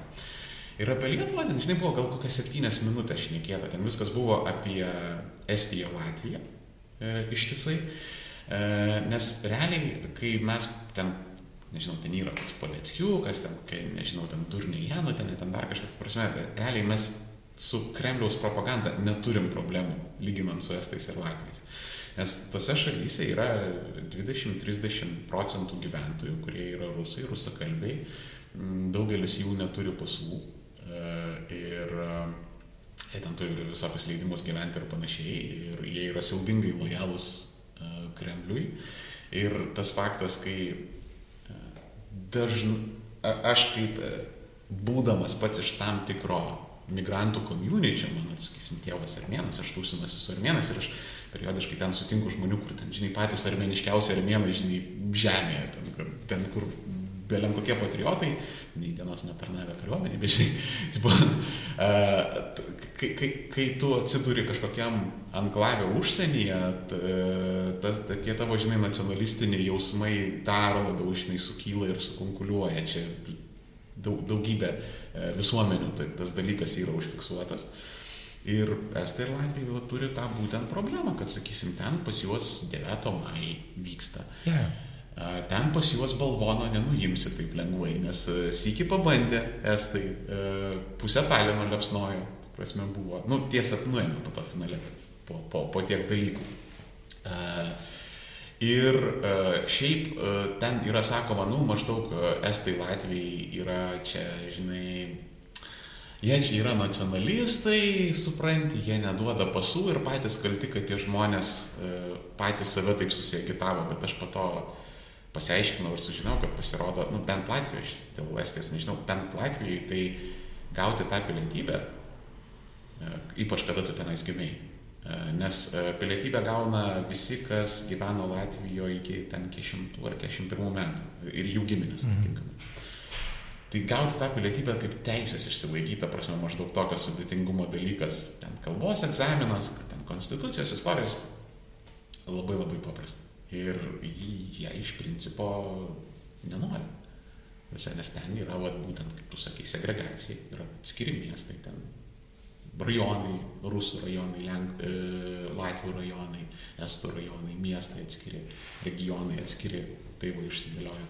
Ir jeigu mes dabar susumuotume tos skaičius, tiek 30, 38 tūkstančiai ir 37, sakė, ne? Jo, bet tai ne, neaišku, kiek jas galima sumuoti, nu, bet tai bent 38, tai tikrai per metus. Taip, tai, bet jeigu mes paimame tai čia maž, ma, mažaikiai maždaug per metus. Tai jo. jeigu 10 metų ar 20 tokį dalyką tesi, tai tada turi jau 20 mažaikių per 20 metų. O tas dalykas auga metai iš mm. metų, tai čia.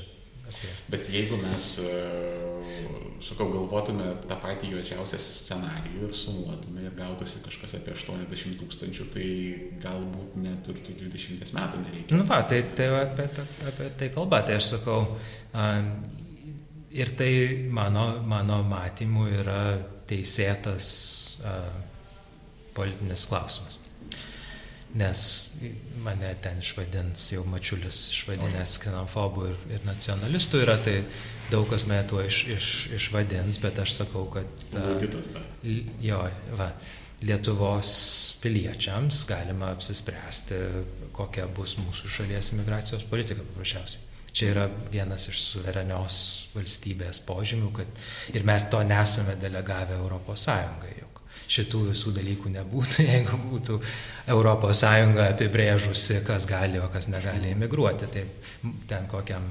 pramonininkų konfederacijai savo suneliui pramušti pigesnių statybininkų hmm. būtų daug sudėtingiau Briuselėje negu, negu čia Seime prie mūsų. Nes tu, tu, ta prasme, kai tavo pavardė dargės, tai tu čia žinėsi Bahūrą savo Briuselėje, tai tu? Nu, sudėtingiau jam būtų, žinai, ten reikėtų išmokti, kaip ten tuos žaidimus žaisti ir būtų. Tai va, tai vakarų Europą dabar tvarkosi per tą mobilumo paketą. Mm. Nes kai srautai yra milžiniški, tai jie ir, ir, ir iki, iki vakarų Europos nueina, ta prasme, jų pasiekmes nueina. Nes mūsų emigracija jau turėjo kažkada sustoti, nes mūsų atlyginimai turėjo pakilti per ten tuos 15 metų ir mes turėjome nustoti emigruoti į vakarų Europą. O dabar, kai mes atsidarę savo sienas ir nesustoja ta emigracija ir toliau jinai tęsiasi į vakarų Europą, tai visas tas dalykas kur vakarų Europai nelabai patinka, plus dar visi tie deleguojami iš Lietuvos furistai iš Uzbekistano, a, tai jie bando su tuo dalyku tvarkytis, tai turime tą mobilumo paketą, kas yra pilnai suprantama. Bet a, kažkokios bendros imigracinės politikos nėra Europos Sąjungoje. Ne, ne, tai žinai, šitas didysis yra oksimoronas Sąjungos užsienio politika. Šiandien, kur, tipo... Ne, nu tai buvo kai kurios ten kompetencijos deleguotos į Briuselį, o kai kurios pasiliktos. Ja, bet tarkim, žinai, kai pasižiūri ten Rusijos situaciją, tai principė nueina Makronas atskirai su Putinu pasišneka, Merkel su Putinu pasišneka, ten, žinai, dar kažkas. Tipo... O mes sėdime ir, ir kraipame galvas, nes mūsų užsienio politikos kaip ir nežinau, kas yra mūsų užsienio politika. Nes nebuvo nuo valdo Adamkaus laikų, aš e, daug kartų. Ai, jo, yra, yra rytų partnerystė. Mm. Mes, ne mes, o Kubilius važinėja po, po Europą ir, ir sako, dabargi deramasi dėl to biudžeto ten kitiems septyneriem metam ar kiek ten, o, o, o Kubilius laksto ir organizuoja maršalo fondą Ukrainai. Mm. Tai mes prašome ten milijardų ir va dar turime draugų, bagų dar tiems dar pridėkit. Tai, va, tai tokia, ne, tokia ne, mūsų. Kiek aš gal su kupilium intervą turėsiu, po to nenorėsiu eiti pas mane, žinai, sakys, tu tą padlaną viską. Su, subankrutuosiu aš tavo, žinau, Karmėno radiją. Ne, tai Palutską sumokėsiu, mokėsiu Palutską, jo. Tai Landsbergis. Ai, jo, jo, jo Landsbergis, jo, piniginė ten kaip plačiai atvers. Bet, e, žinai, viešpatį pamiršau visiškai, kai pagalvojau apie Landsbergio piniginę, tai man at, atkrito, palauk, aš kažką kai užrašuosi turėjau. A, žiūrėk, a, šiaip a, mane, a, nu, aš kaip, kaip žinia, ten kažką ka- kartais a, grafomanija užsiminėjau ten Aušra Maldeikienė yra paleidusi tą Europos žinių portalą. Jo. Mhm. Ir aš ten esu toks pus, pusiau etatinis, žinai, grafomanas, kur kartais, žinai, parašau tekstą ir, ir, ir, ir ten per, e, sakysim, e, didelės protekcijas ir nepotizmą jis atsiranda viešumoje. Tai e, jis...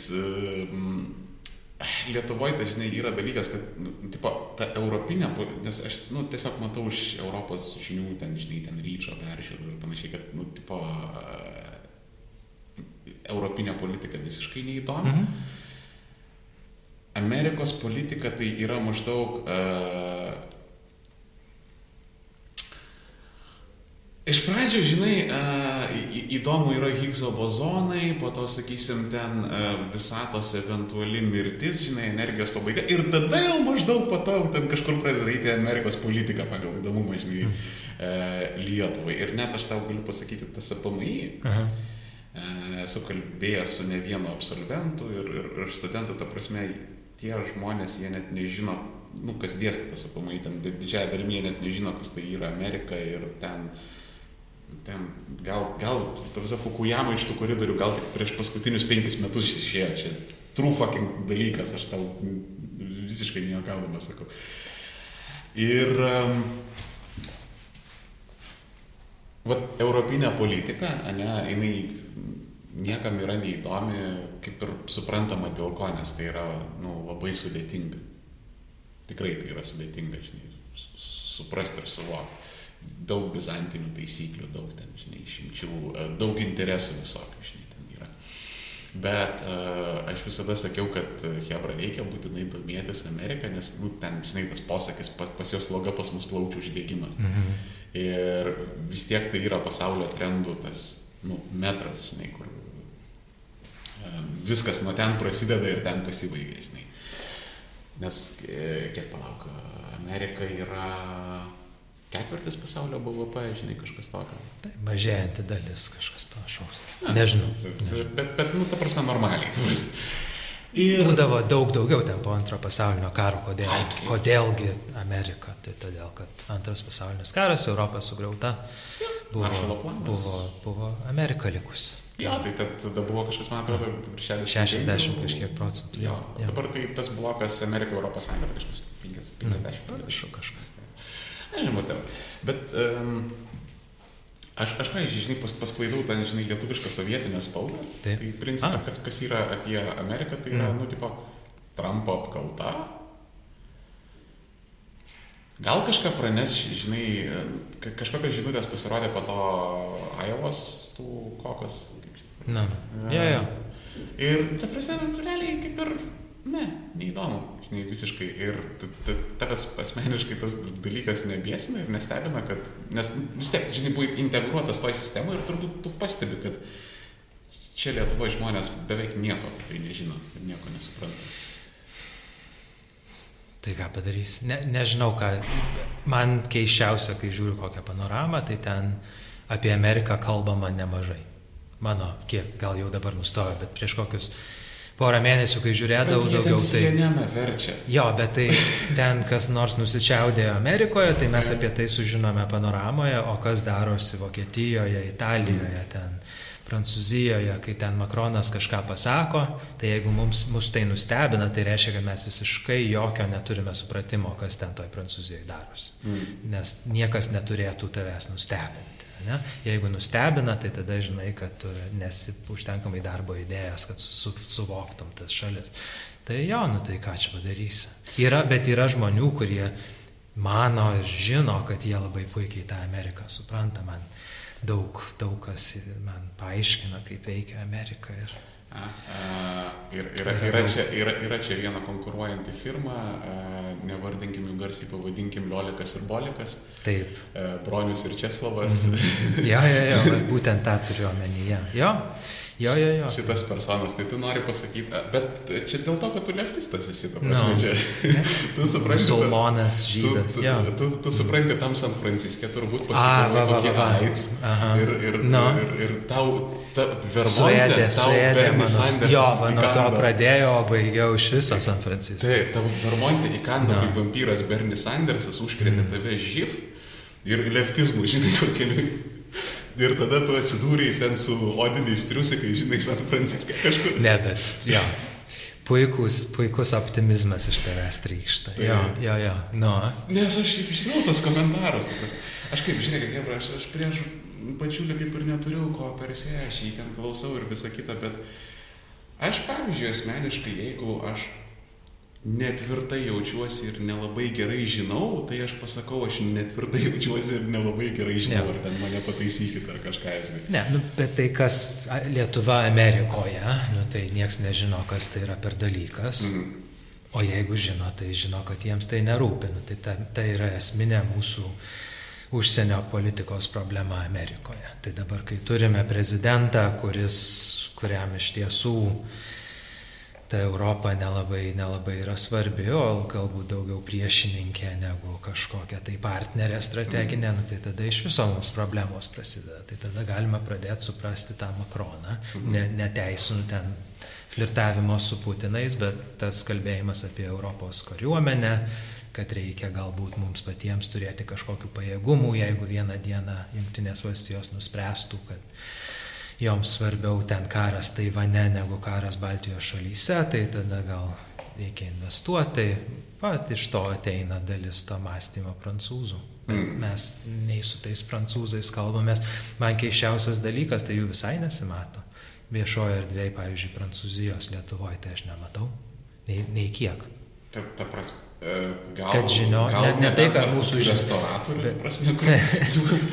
ar čia kokių kultūrinių renginių, ar ten politinių diskusijų, ten, ar dar kažko. Tai lietuvių diaspora baidavo į Prancūziją, sėdi, bet taip. jo, ta prasme, tu gerai pastebėjai, apart kulinarijos ir mados, tie prancūzai čia ne, nefigūruoja. Ne, nu, tai mes esame kažkokia mažulytė rinka, ten jos šampanų, nu, ten eini mm. šitą didžiąją gatvę, ar kaip jinai vadinasi, ir ten jų yra kitas šampano barelis, nu tai ten, va, nu, Prancūzija, bet kuo jie gyvena, kaip jie masto, ką jie nori daryti Europoje ir kaip tai mus na, ten įtakoja, nu tai ką čia. Galbūt mes kažką, ta prasme, galbūt šių tački vokiečiai figūruoja, skandinavai šiaip labai aktyviai Lietuvoje reiškiasi ir figūruoja. Nu, mano jaunystėje jie daug aktyviau čia reikšdavosi, man atrodo, mes esame atsibodę. Visiems, jau man atrodo, mes ir skandinavams jau esame atsibodę. Nelabai kas pas mus pasikeitė per tuos 30 metų, ta, tokia kultūra, tokių... Ne, šiaip aš manau pasikeitė, pas mus nepasikeitė per pastaruosius 15-12 mm. metų, va ten A, aš matau stagnaciją. Strigome, ne? Jo, nes va, e, nuo nepriklausomybės atkūrimo mm. iki stojimo į, į Europos Sąjungą, aš manau, va, tam varšmote tikrai labai daug pokyčių ir labai transformacijų vyko. E, ir ekonomiškai, ir kultūriškai, ir ten Bet va, jau vien kalbant apie anglakalbių skaičių, žinai, padidėjimą ja, nu. Lietuvoje, tai čia jau yra. Bet va, tie pokriziniai metai ir va, iki dabar, tai 12-15 tų metų, kiek čia gaunasi. Tai, na, na, aš, aš net sakyčiau, kad galbūt pagal perkamąją galę tam tikrą prasme, ypatingai periferijoje mes ir būsim degradavę. Jeigu taip turėčiau, aš nelabai ne, ne, ne žinai giliai žiūrėjau skaičių. Bet, e, žiūrėk, e, va, biškiai atsitraukiam nuo tos Amerikos temos, aš norėjau su tavim tokiu pastebėjimu pasidalinti, mes čia, kai žinai, išnekėjom apie tas darbovietės, man tokia, žinai, mintis paraleliai no, no. išsivystė. Kaip Overtono langai pasikeitė, ne? Mhm. E, pasislinko, prasme, nes 12 e, metais tavo buvęs darbdavys Mitas Romney e, iš, išeina į e, prezidentų rinkimus prieš Baracką mhm. Obamą, pralaimi. Ir e, tu turbūt gerai atsimeni, kaip iš Romney žvengė, nes jisai eskalavo migracijos problemą,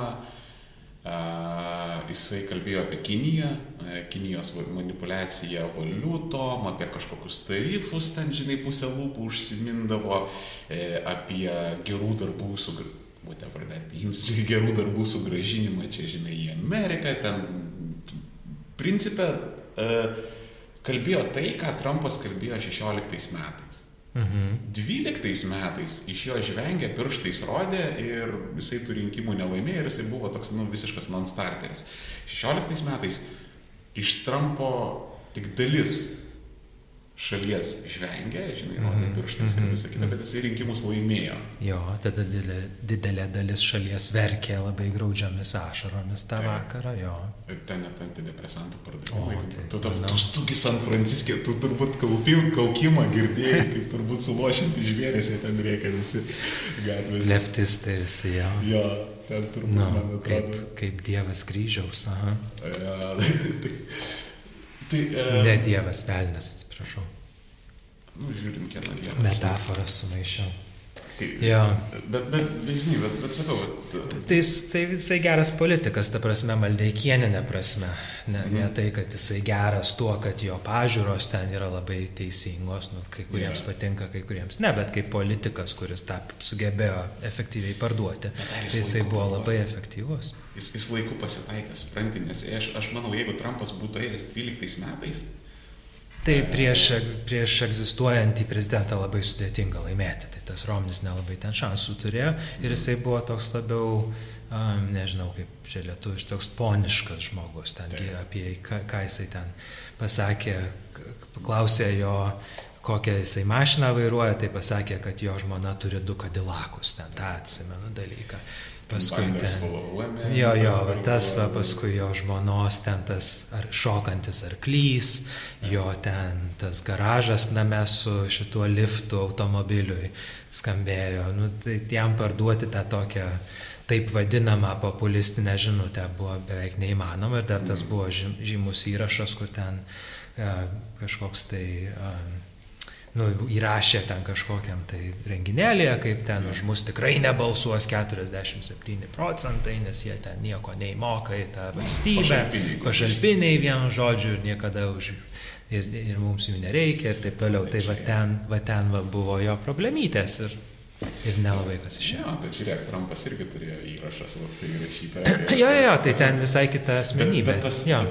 Visai kita asmenybė, bet sakau, aš, aš manau, kad jam, e, Trumpui, e, mhm. daugybę prasmių ir pats laikmetis pradėjo, nes dabar patyra tų, žinai, tokių... Jo, tai visada, nu tai politika yra ir laikmetis, ir tas ja.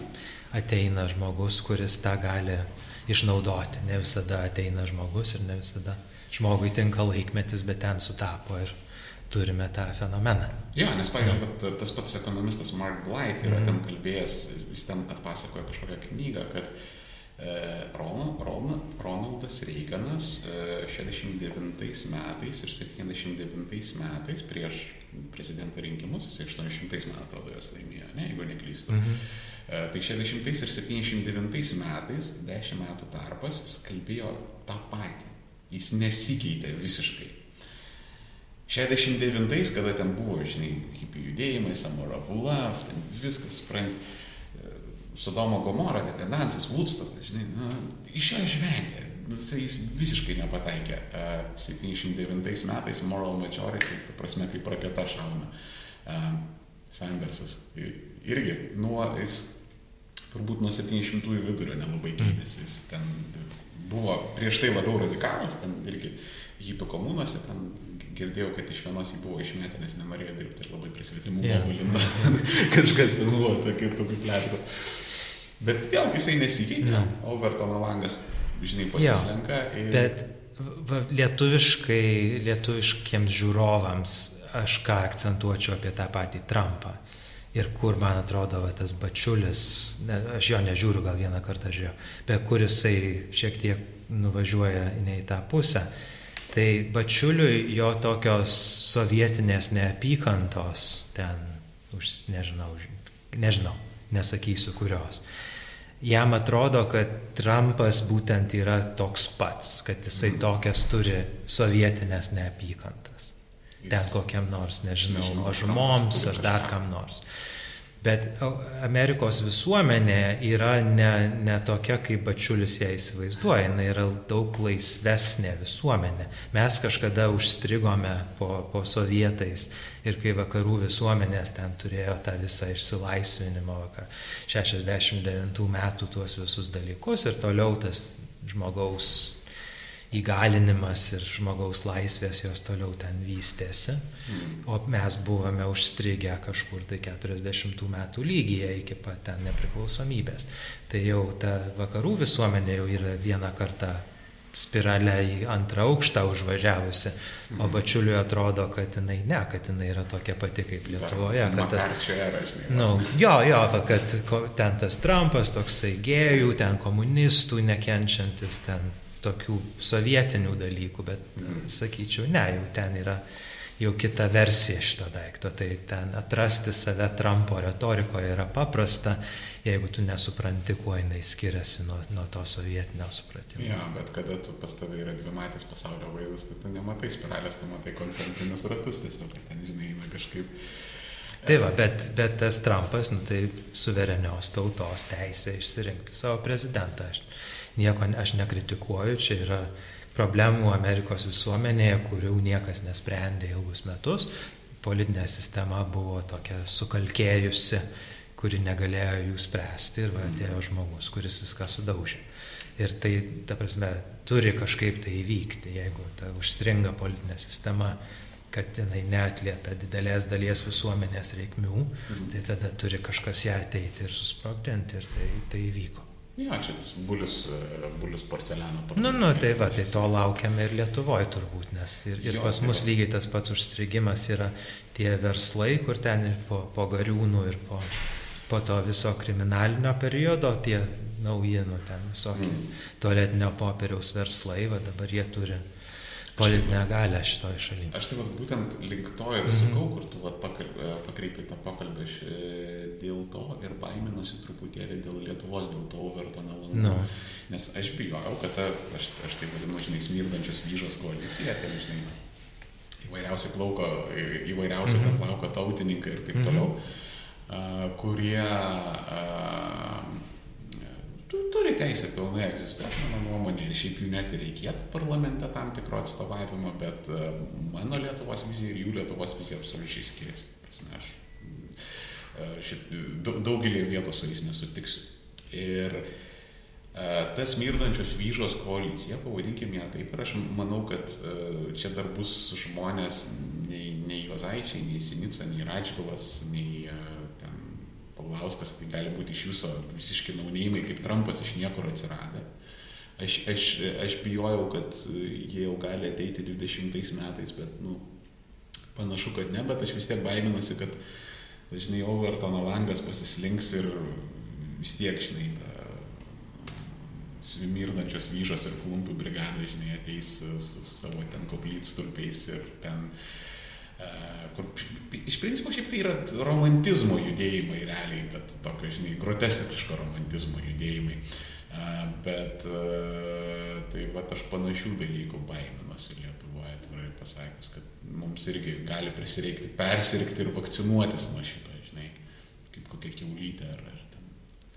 Jo, tai, bet tai keista, kad ta establishmento politika tų dalykų nebando įsitraukti. Kai aš kalbu čia apie mm. imigraciją, pavyzdžiui, tai čia būtų tokia juozaitinė galbūt tema. Yeah. Nors ten viskas yra labai keista, nes jiems, aš nežinau, kas juos finansuoja. Mm -hmm. Tai ten, man atrodo, irgi visada reikia žiūrėti į tą Lietuvos politinę sistemą kaip į oligarchiją. Jeigu mes nežinom, kas ten ką finansuoja, tai tada mes ne, ne, negalim suprasti, kodėl jie kalba taip, kaip jie kalba. Mm. Tai ten, kas finansuoja tuos visokius pro, profesionalius patriotus ir juozaičius, aš iš jų girdžiu imigracijoje kalbėjimą apie pabėgėlius. -hmm. Dabar, kai mes kalbėjome apie ten ar tai 40 tūkstančių, ar tai 70 tūkstančių, nežinome mhm. kiek tų imigrantų iš buvusios Sovietų sąjungos praeitais metais, o pabėgėlio statuso pas mus prašėsi 600 žmonių. Mhm. Tai čia yra dešimtys tūkstančių, o kitoj pusėje yra 600, iš kurių ten vienetai gavo tą prieglobstį.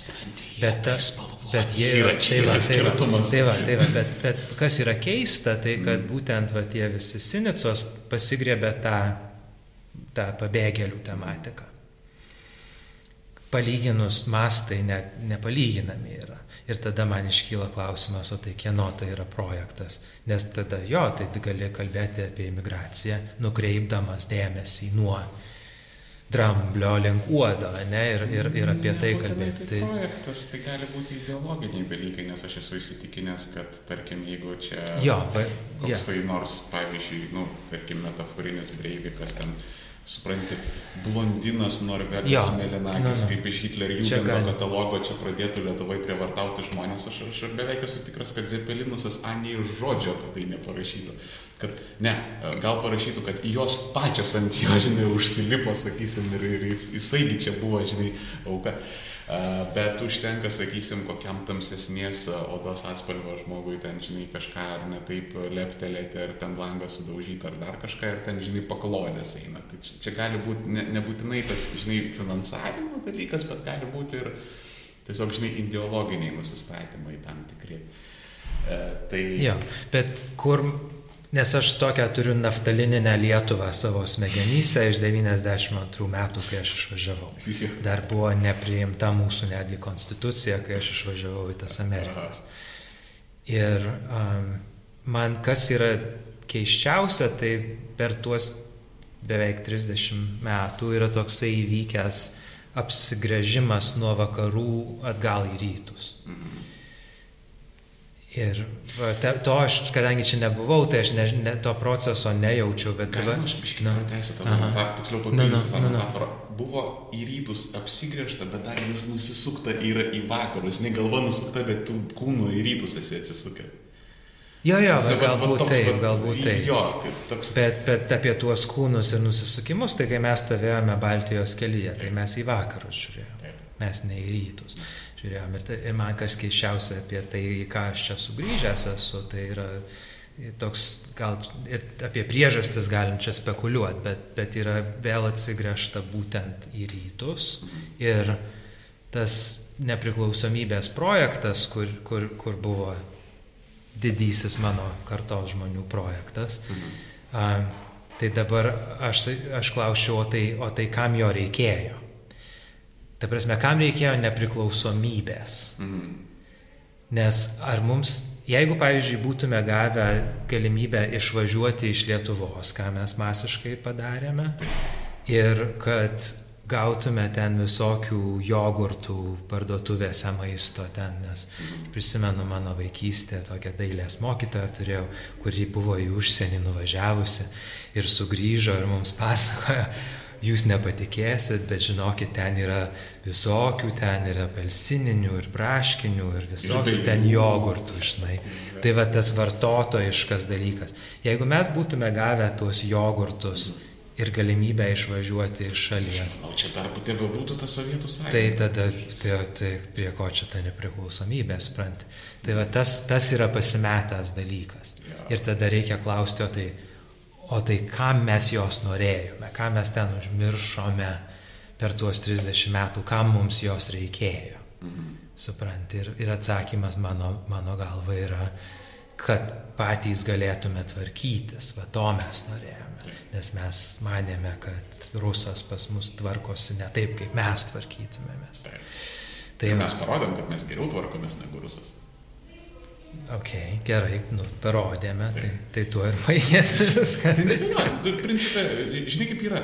Uh, Lietuvoje yra tas dalykas, kad žmonės stoja, žinai, universitetus, jie mm -hmm. pradžių ten užsibaigia bakalauro, kadangi yeah. bakalaurus dabar visi turi ten mano šuva, jau kas du yra pasibaigęs, tai žinai, uh, tada žinai stoja į magistrą ir kada jau baigia magistrą, tarsi, nei vienos knygos gyvenime neatsiverčia. Tarsi, aš, aš žinau krūvą tokių žmonių. Sa, baigė, gavo popierių, viso mokymasis, viskas. Ta prasme, nu, žinai, neskaitant ten kažkokio e, darbinio treningo, ne? Yeah. Ten gauna, yeah. viso, stoja e, edukacijos procesas. Ir Lietuva, bet šito klausimu irgi strigo. Buvo tas projektas, žinai, yeah. integruotis į vakarus. Mm -hmm. NATO, Europos Sąjunga.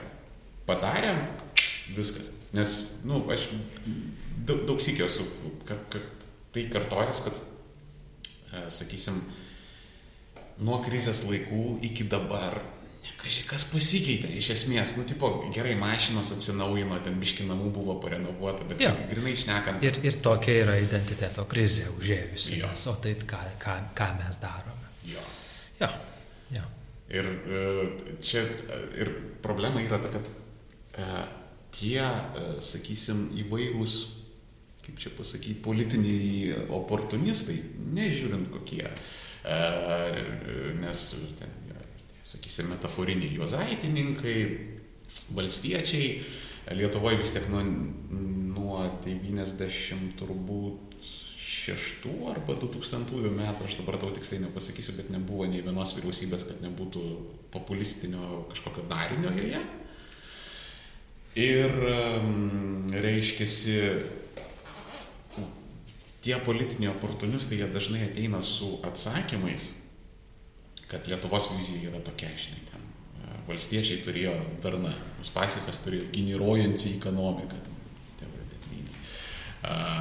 Kubilius turėjo pokyčių, nors Kubilius nelabai yra tas politinis oportunistas, bet, nu, sakysim, jo koalicija turėjo kartu su Valinskininkais, turėjo tą, ten, permainų koaliciją, tas dalykas vadinasi, žodžiu, visi ateina kaip ir su atsakymais, bet, vat, Bet tai kurį klausimą? Jo, vad būtent, vat, visą klausimo niekas neuždavė. Mm -hmm. Išsiaiškinkim, kokį mes norim užduoti klausimą. Ja. Išsiaiškinkim, ar, ar ta, tai bus vienas klausimas, ar tai yra keli klausimai, nes tų Lietuvos yra kelios. Prasme, Vilnius nuo pasvalio skiriasi, ja. nesvarbu, kad atstumas didelis. Jo, bet, bet tas identitetas, aš manau, bent kiek aš pastebiu, tai ta pastebėti save kaip kažkokios ten buvusios didžiosios kunigaikštystės mhm. sutvėrimą, o ne vakarų e, civilizacijos dalį, tai man čia naujas daiktas ir aš to, tada to, nu, mano vaikystėje to nebuvo, mhm. mes, mes jautėmės kaip vakarų civilizacijos dalis, už tai ta okupacija mums netiko, nes ne mūsų civilizacija ir mes netaip norėjome gyventi. Bet dabar kažkoks tai nusivylimas yra pasidaręs tuo, kuo ta, ta, tais vakarais, ten visokie Sinicos daugiau tą putinistinę turi retoriką apie tai, kokios čia grėsmės yra tų visokių pabėgėlių ir gėjų ir dar ko mhm. nors. Tai čia tokia rusiška retorika yra. Tas savistovio, ta tokia retorika, kad Lietuva savistovė turi būti. Bet tai niekas to netima Europos Sąjungoje, juk mes tas įsileidimas, pavyzdžiui, masinės imigracijos, juk ne Europos Sąjunga mums ja, tai prasme, verčia ir, ir mokytis lietuvių kalbos mums niekas netrukdo. Juk, čia va tas sąjungoje. Vat, vat. Užkabinai šitą dalyką, aš norėčiau giliau biškinai, bet žiūrėk, e, įsiklausyk, ne? Yra žmonės, kurie rėkia. Mm kaip blogai tas, žinai, multikulturalizmas ir visa ja. kita ir taip toliau, bet multikulturalizmas garantuoja, kad lietuviška kultūra išliks Europos Sąjungoje. Ta prasme, Sovietų Sąjunga kaip tik nebuvo, ne, nu, ten kažkiek to multikulturalizmo dėl papo buvo, bet jinai kaip tik, sakysim, ten dėgė tas ja. rusų kalbas ir visa kita. Tas multikulturalizmas yra tautininko geriausias draugas savo prasme. Nes nudominuotų didžiosios. Jo, bet tai čia toks apibrėžimų klausimas, vėlgi, kas yra ta lietuviška kultūra ir mūsų vertybės, žinai, ten. Ar vakarietiškos vertybės yra lietuviškos vertybės, tai Sinica mm. sakys, kad ne, kad mes, mes esame, kad homofobija yra... Liet... Ne, ne, ne, aš su juo esu apsikeitęs komentarais, nu, kad, nu, pavyzdžiui, ten, kas jam labai kliūva, ten kokia nors a, tie gėjų teisų judėjimą jam labai ne, ir, ir jo yra įsitikinimas, kad lietuviš, lietuviška kultūra yra nepakanti tokiems dalykams. Tai čia toks apie, mums apsibriežti reikia, ar mes esame vakarų, vakarų kultūra, ne, ar nesame. tai va, bet dar neužmirškime. Ne, bet tai, tai ir vakarai buvo. Ta prasme, prisiminkime Vokietiją ten 40 metais. Ta prasme, kas ten yra įvykę, dideli pokyčiai, pokyčiai per, per tas 80 metų tikrai daug yra pasikeitę. Vėl grįžtant prie to, kad mes buvome sovietų okupuoti, mhm. o ten vyko visokios ten žmogaus teisų ir išsilaisvinimo visokie judėjimai. Mhm. Tai pas mus tai kol kas dar nėra įvykę, tai mus nežinau, nu, tai su kuo mes, tas, kas mes esame, tokį identiteto klausimą. Tai čia yra labai svarbu. Tai kai tamsta kalbė apie vyžas, tai, nu jo, nu, bet tai reikia tą kažkaip tai išdiskutuoti ir mhm. nuspręsti, kas mes esame. Ne, negalima marginalizuoti kažko tai ir sakyti, kad jie yra kvailiai. Mes mhm. turime išsi, išsikalbėti apie visus šitos dalykus ir nuspręsti. Nes jeigu mums rusiškas, nu, rusiškas, nežinau, bet toks rytietiška kultūra priimtinesnė, mhm kas panašu į... Tai yra. tada mes netaip save esame visiškai sorientavę, tai tada mm. reikia mums vietos nepriklausomų valstybių sandraugos jungtis. Dabar Eurazijos sąjunga. Eurazijos, va. Nu, ten tada mūsų turėtų būti kryptis, o ne, o ne vakarai. Tai čia reikia apsispręsti, nes man atrodo, mes ten stringame. Mm. Mums atrodo, kad vakarai yra pinigų toks puodas, kur ten mums po porą milijardų į metus atmeta. Mm ir mes ten einam dar skambinami puodai, sakydami, kad neužtenka, pas mus dar nesutvarkyta, tai pas mus skurdo dar yra, duokit daugiau, ten šūkiai buvo. Europarlamento rinkimų Europa privalo mums padėti, jo, nes ko mes patys nesugebam sutvarkyti, tai Europa privalo mums padėti ja, ir sutvarkyti. Kalta, žinai, tai Europa kalta per mažai, per mažai mums milijardų dalina, bet tai mes žiūrime į Europą va taip, O tada, kas mes esame lietuviai, nu tai. Aš man atrodo, e, čia dar yra susijęs su tam tikrų, žinai, to tautiniu ne, nebrindiliškumu ir tas toks, e, nes čia yra tas, žinai, teenageriškas įžeidumas, aš galiu pasakyti, dėl ko a, e, taip daug lietuvių sunkiai integruojasi į tą Europą, aš taip spėčiau irgi čia, jokių antropologinių tyrimų nedariau, bet tai yra tas natūralus įžeidumas, kad supranti, a, mes ten esam niekas iš principo. Jo, jo, jo, skaitosi, jo, jo. mandagus, mhm. žinai, visą čia yra, kitą. Čia yra viena iš versijų, kad mes esame um, karaliai tarp ubagų. Taip. Ir kad mums savivertės, kurios mes neturime, mes labiau ją užpildome jausdamiesi pranašesni už kitus ubagus, mhm. negu vėl velgdamiesi kažkur tai odegoj su Bulgarija ir Rumunija Europos Sąjungoje. Tai čia irgi viena iš galimybių yra, kad psichologiškai mums per sudėtinga yra suvokti, kad yra taisytinų dalykų, kad mm. mūsų projektas buvo šaunus, bet biškelį kreivai mums išėjo, kad jį reiktų pataisyti ir tada viskas bus gerai, mes kažkaip nenorim tuo, tuo užsiimti, tai geriau pasisukim atgal į rytus ir jauskimės broliaukime su ukrainiečiais ir gruzinais ir jauskime už juos pranašesni, nes ten penkis kartus daugiau uždirbame už ukrainietį. Jo, bet čia matai dar planas yra dar gudresnis. Išlaikykim status quo. Mhm. Čia nutreškim ten europietį ir nesemą. Ir čia su tom šaibom veikim, ja. žinai, ten pašikuoti prieš gruzinus. Na, na, na, va, va, va. Jo, jo. Nu, tai tiesunčia mums tos milijardus, o mes dar tada nuvažiuosim savo Porsche, mes ten pasirodysim Kijeve, tai, kokį mes esame. Tai, šaunus. Ja. Supranti, mes, ja, ja. Kad, kad pas mus Netflixai veikia, čia supranti mm. Lietuvoje. Na, na, na. Tai va čia, žinai, yra ta tokia labai puikiai. Ir šiaip, čia, čia, realiai Lietuvos, va, čia yra didelis Lietuvos resursas šitas dalykas. Čia Lietuva nuo senų senovės Aha. labai mokėdavo gaming sistemas. Taip, Ta prasme, ja, vat, ja, ja. Vat, labai gerai jiems sekdavosi šitas dalykas. Čia yra, nu, gal taip netolerantiškai yra taip šnekėti, bet tai yra tam tikras uh, tautinis bruožas ir, ir, ir nu, vat, mes tai mokam ir mes. Jie jie buvo vartus lošti. Jo, ir, ir, ir tai galima potencialiai kažkur kažkam išnaudoti, bet dabar tai yra toks labiau, nu, žinai, užšaldimas, status quo palaikymas, nes aš Aš nemanau, kad net, nu, gerai, tarkim, duodam Sinicai konstitucinę daugumą, aš nemanau, kaip žinai, anglai sako, comes to chef, kad jisai paspaustų tą raudoną mygtuką ir, sakysim, ten padaryti kokį nors liteksį, kaip pavyzdys. Ne? Na. Ne, ne, nes tada Nuoširdžiai. pinigai sustotų, tai tokį negalime. Absoliučiai. To negalime leisti. Tai nebūtent, žinai, čia, uh, žinai, na, uh, Bilo Higso uh, tą baigą vieną, kur sako, toks jausmas, kad kai išrenka naują prezidentą, uh, jį ten e, pakviečia į tokį prirūkytą bunkerį, e, čia išskleidžia ekraną, žinai, jungia tokį seną projektorių ir parodo Kenedžio žmogžudystę iš kito rakurso. Mhm. Any questions ir viskas.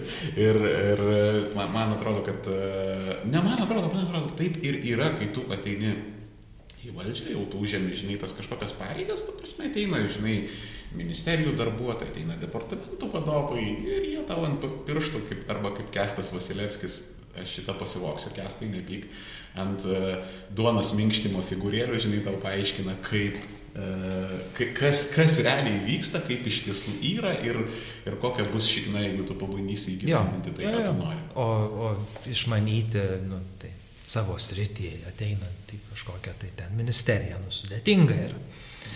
Tai tie žmonės jau ministerijoje galę turi, taip, taip, taip. Bet ten, nu, tai sugrįžtant paskutinį kartą prie tos geopolitinės Lietuvos situacijos. Tai mes dabar kalbėjome, kad mes kažkokį tai pasirinkimą turime, tai galbūt, nežinau, jeigu tas mes norime nusigręžti nuo to vakarų projekto, to nepriklausomybės projekto, tai tada reikia reikia pergalvoti savo prioritetus. Tai nežinojau, kad 30 metų į nepriklausomybę mes galvosime, kad galbūt mūsų ten mentalitetas, kaip nu, mėgstama sakyti, kad artimesnis mentalitetas yra į rytus negu į vakarus, bet tebūnie, tai čia vienas dalykas.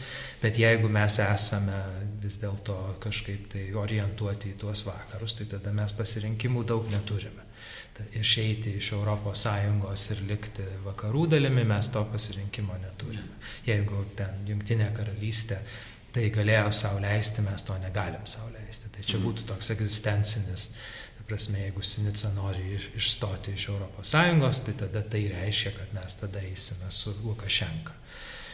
Tai va, tai čia tokie pasirinkimai. O, o, o paskui ta gynybinė prasme, tai irgi tas NATO ir, ir kur mes gyvename ir kaip, ir kaip yra. Tai visada sakau, kad Lietuvoje visada yra tarpukaris. Niekada, niekada čia negalim apsimesti, kad jau visiems laikams dabar esame išsprendę visas savo gynybinės ir geopolitinės problemas įstojome į NATO ir dabar galime nekreipti dėmesio, kas darosi aplink mus, ar ten su mm. Lietuvos kariuomenė, ar dar ko nors. Tai čia dar vienas dalykas, kur irgi mane šokiruoja. Iš, iš užsienio, kai atvažiuoji, tai ten netgi tas Nile Ferguson čia prieš porą dienų, kur kalbėjo, kad Europą pradėkite žiūrėti į ten Baltijos šalių gynybą. Mhm. Bet kam iš karto yra akivaizdu, kad čia yra labai didelė problema. Ne, o kažkaip gyvenant Lietuvoje, kaip ta varlė puodė, kur tas vanduo jau beveik verda, mm. o kadangi jisai kaista palaipsniui, tai tu nelabai tenka ir užščiopė, ne tai. Realiai tai toks yra tas Baltijos, sakysim, vadinkime, kardonas, tai yra toks, e, nu, Europos gynyboje tas silpnoji grandis, tai realiai toks, žinai, piltuvėlis, per Tai mes esame būtent kaklelis to piltuvėlio. Tai kai, kai Rusija pasiemė Kaliningradą, mhm. tai jie tai padarė labai strategiškai. Taip. Juk per mus į rytus ėjo ten visokie vokiečiai ir napoleonai ir taip toliau, taip. būtent per Lietuvą.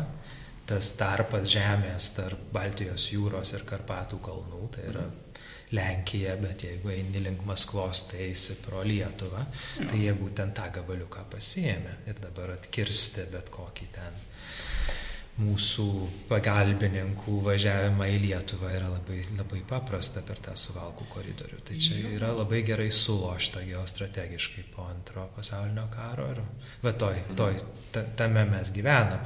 Dabar kiek mes esame sugebėję per savo superinę užsienio politiką, ten visas Grybauskaitės ir Adamkus ir visus tuos mūsų, ne, ne, mūsų genijus, visus tuos uh, užsienio politikos, kiek mes esame sugebėję parduoti Europai tą dalyką, mm. kad štai, bet kokia sąjunga turės savo išorinės sienas. Mm. Ji gali rinktis, kur tos sienos bus.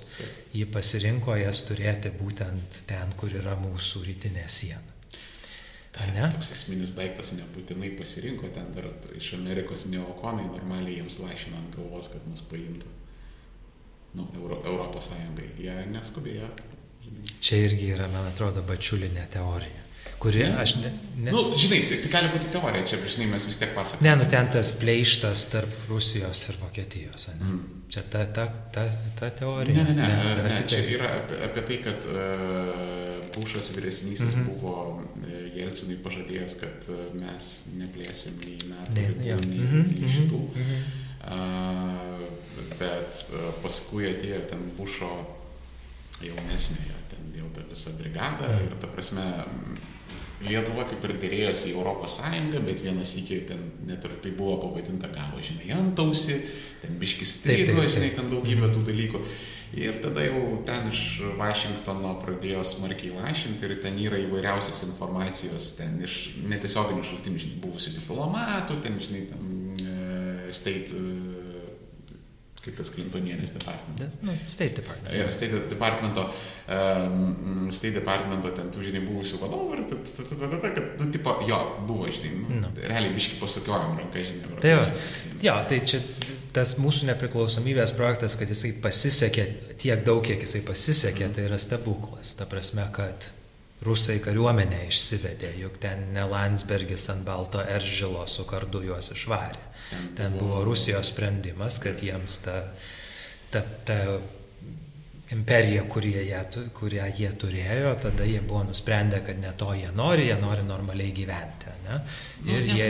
Jie... Iš, tai realiai ten va, iš Lietuvos ką išvedė. Mm -hmm. Ir iš karto, prasme, tai buvo pakrauta į laivus ir lėktuvus ir Sadamui Huseinui parduota. Ten banaliai. Nu va, ir, ir tas, nu tai va, trūko pinigų ir ta, ja, jo, bet, bet tai prioritetai kiti buvo, nu dabar vėl jie nori čia plėstis į Taip. tuos vakarus. Kaliningradas yra siaubingai militarizuotas. Bet, bet buvo va, toks sutapimas, kad jų interesas, koks jisai ten bebūtų buvęs, jisai sutapo su mūsų ir jie išsivedė kariuomenę. Tai pavyzdžiui, tai yra stebuklas, nes jie neturėjo to daryti, mes pajėgumų juos iš čia išvaryti neturėjome, mes nebuvome ten, jo, mes jokios kariuomenės apskritai juk neturėjome. Tai va, tai yra tokie ir kaip pats sakai apie amerikonus, kur mus kaip tavo versija ten ir į mm. Europos Sąjungą įpiršo ir į NATO, nu, tai liuks, taip super, jau tokios kitos progos nebus, žinai, tai labai džiaugtis to visų dalykų reikia. Bet kaip mes tą esame sugebėję parduoti savo partneriams, mm. kaip va, mes esame, mes esame sienos regionas ir, ir bet kokia valstybė sienos gynimui investuoja į sienos regioną juk prasme, mes vieni negalime atsilaikyti prieš Rusijos kariuomenę labai ilgai, tai mums reikia pagalbos, bet tai yra suprantamas dalykas, nes mes esame pasienio regionas Europos Sąjungos. Mm. Bet reikia nepamiršti, kad e, mes dažnai pamirštam, kad, kad kada mes prašom pagalbos, mm. tai kad tas dėdė E, Briuselėje, mm -hmm. Vašingtone, no. kad jis yra turtingas ir, ir jis gali, ta prasme, mes pamirštam, kad tas didelis dėdė, nežiūrint tai, kad jis yra turtingas, jis savų problemų turi. Taip, taip, taip, taip, bet aš, aš būtent kalbu, kiek mes galėjom patys padaryti jo, ir ko jo. mes nepadarėme. Tai tas visas Prancūzijos nebuvimas Lietuvoje. Tai dabar bus vienintelė branduolinė valstybė, dabar jau užstojo Junktinė karalystė. Mhm. Prancūzija yra dabar vienintelė branduolinė valstybė Europos Sąjungoje. Ai, jo, ne, bet Vokietijoje yra. Prasme, bet ne jų, jeigu jo. amerikonų yra, bet vienintelė branduolinė valstybė Sąjungoje yra Prancūzija. Jo. Su prancūzais neturėti tamprių santykių, mhm. kai rusas Kaliningrade turi branduolinius ginklus, Taip. apie Ameriką nelabai aišku kartais. Tai va, tai mes nežinau, kuo užsieima kuo užsima užsienio reikalai pas mus. Jo, atvirsi, tai tu to tokio, tu, tu, tu, tu labai taktiškai ir strategiškai viską išdėlioji, nes vis tiek, tai, jeigu Lietuva būtų, e, aš tau garantuoju, duotų, mes sėdėtume šiltai ramiai, jeigu mes būtume, pavyzdžiui, po, po, po sovieto pasilikę porą brandolinių galvučių, Tu prasme, nes e, brandulinis ginklas. Ne, nu tai jas dar reikia patiems ten kodus turėti. Jeigu mes būtume. Ne, nu tai bet tai Ukraina. Jo, jo, jo. Bet... Nu, ta prasme, tu supranti tą dalyką, kad brandulinis ginklas tai yra invasion proof. Jo, jo, jo, ir va čia Ukrainosgi buvo Budapešto memorandumas, kuris labai dažnai užmirštamas Lietuvoje, kad jie pasirašė ten amerikonai įsipareigojo juos ginti, tuo užmiršų, kas dar jungtinė karalystė ir panašiai. Kiaušinis ant veido. Jo, ir tada, kai ten yra pasisipareigoję ginti Ukrainos teritorinį vientisumą už tai, kad jinai atiduoda savo brandolinius ginklus ir pretenzijas į brandolinius ginklus. Jo, ir Rusija dar, ir tada, kai kažkas ten atsitinka, nu tai matome, kiek ten tie amerikonai padeda Kryme ir, ir, ir Donbase. Nu, tai visada jie sprendžia, koks, koks yra jų nacionalinis interesas. Būtent tuo.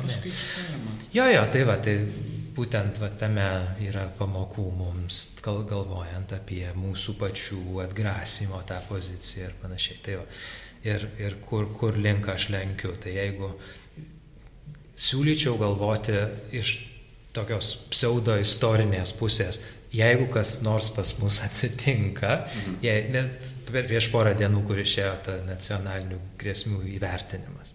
Tai ten iš 11 bent jau santraukoje, ten ar tai 10 ar 9 yra su Rusija susijusios. Tai čia nėra taip, kad kažkaip mūsų valdžia ar Seimas ar dar kas nors, jie nežino, kad mes turime rimtų grėsmių iš savo rytų ir vakarų kaimyno, nes Rusija pas mus iš dviejų pusių yra. Tai va, tai Bet mes esame pasirinkę kažką tai gynybinę prasme. Mes esame pasirinkę kariuomenės dydį tokį, kokį mes esame pasirinkę. Ne? Ir tada žiūrint iš tokios pseudo istorinės perspektyvos, jeigu kažkas atsitinka ir mes tą nepriklausomybę praganome, ir tada klaustume, o tai ką mes kitą galėjome padaryti, suprantate? Kur tu tėvai? Ką, kur mes kur mes galėjome šiek tiek geriau. Tai pavyzdžiui, žiūrint į tą pirmą nepriklausomybės laikotarpį, kai buvo ten pasiduota visai neišaunant, ne? Atėjo, atėjo rusas, Smetona ten neprisimtuome, ne, istorikai užkapos, bet ten Smetona kažkur tai išvažiavo ir ja. viską ten raktai buvo gražiai atiduoti ir viskas to užsibaigė. Dar beje, Smetona buvo ne tokio opresinį aparatą sukūręs, kurį rusas labai ramiai mm, perėmė netgi tą, nu tai va, tai va ten vienas yra modelis ir dabar klausimas gerai, tai jei vėl kas nors panašaus įvyktų, ką mes būtume galėję kitaip padaryti. Ne? Ir tos diskusijos aš Lietuvoje nebegirdžiu, apskritai negirdžiu ką mes esame padarę, kiek ką galėtume, ne? tai pavyzdžiui, tas 2 procentai krašto gynybai, ne? tai gerai, NATO įsipareigojimas, o ką tas mums nupirkė yra.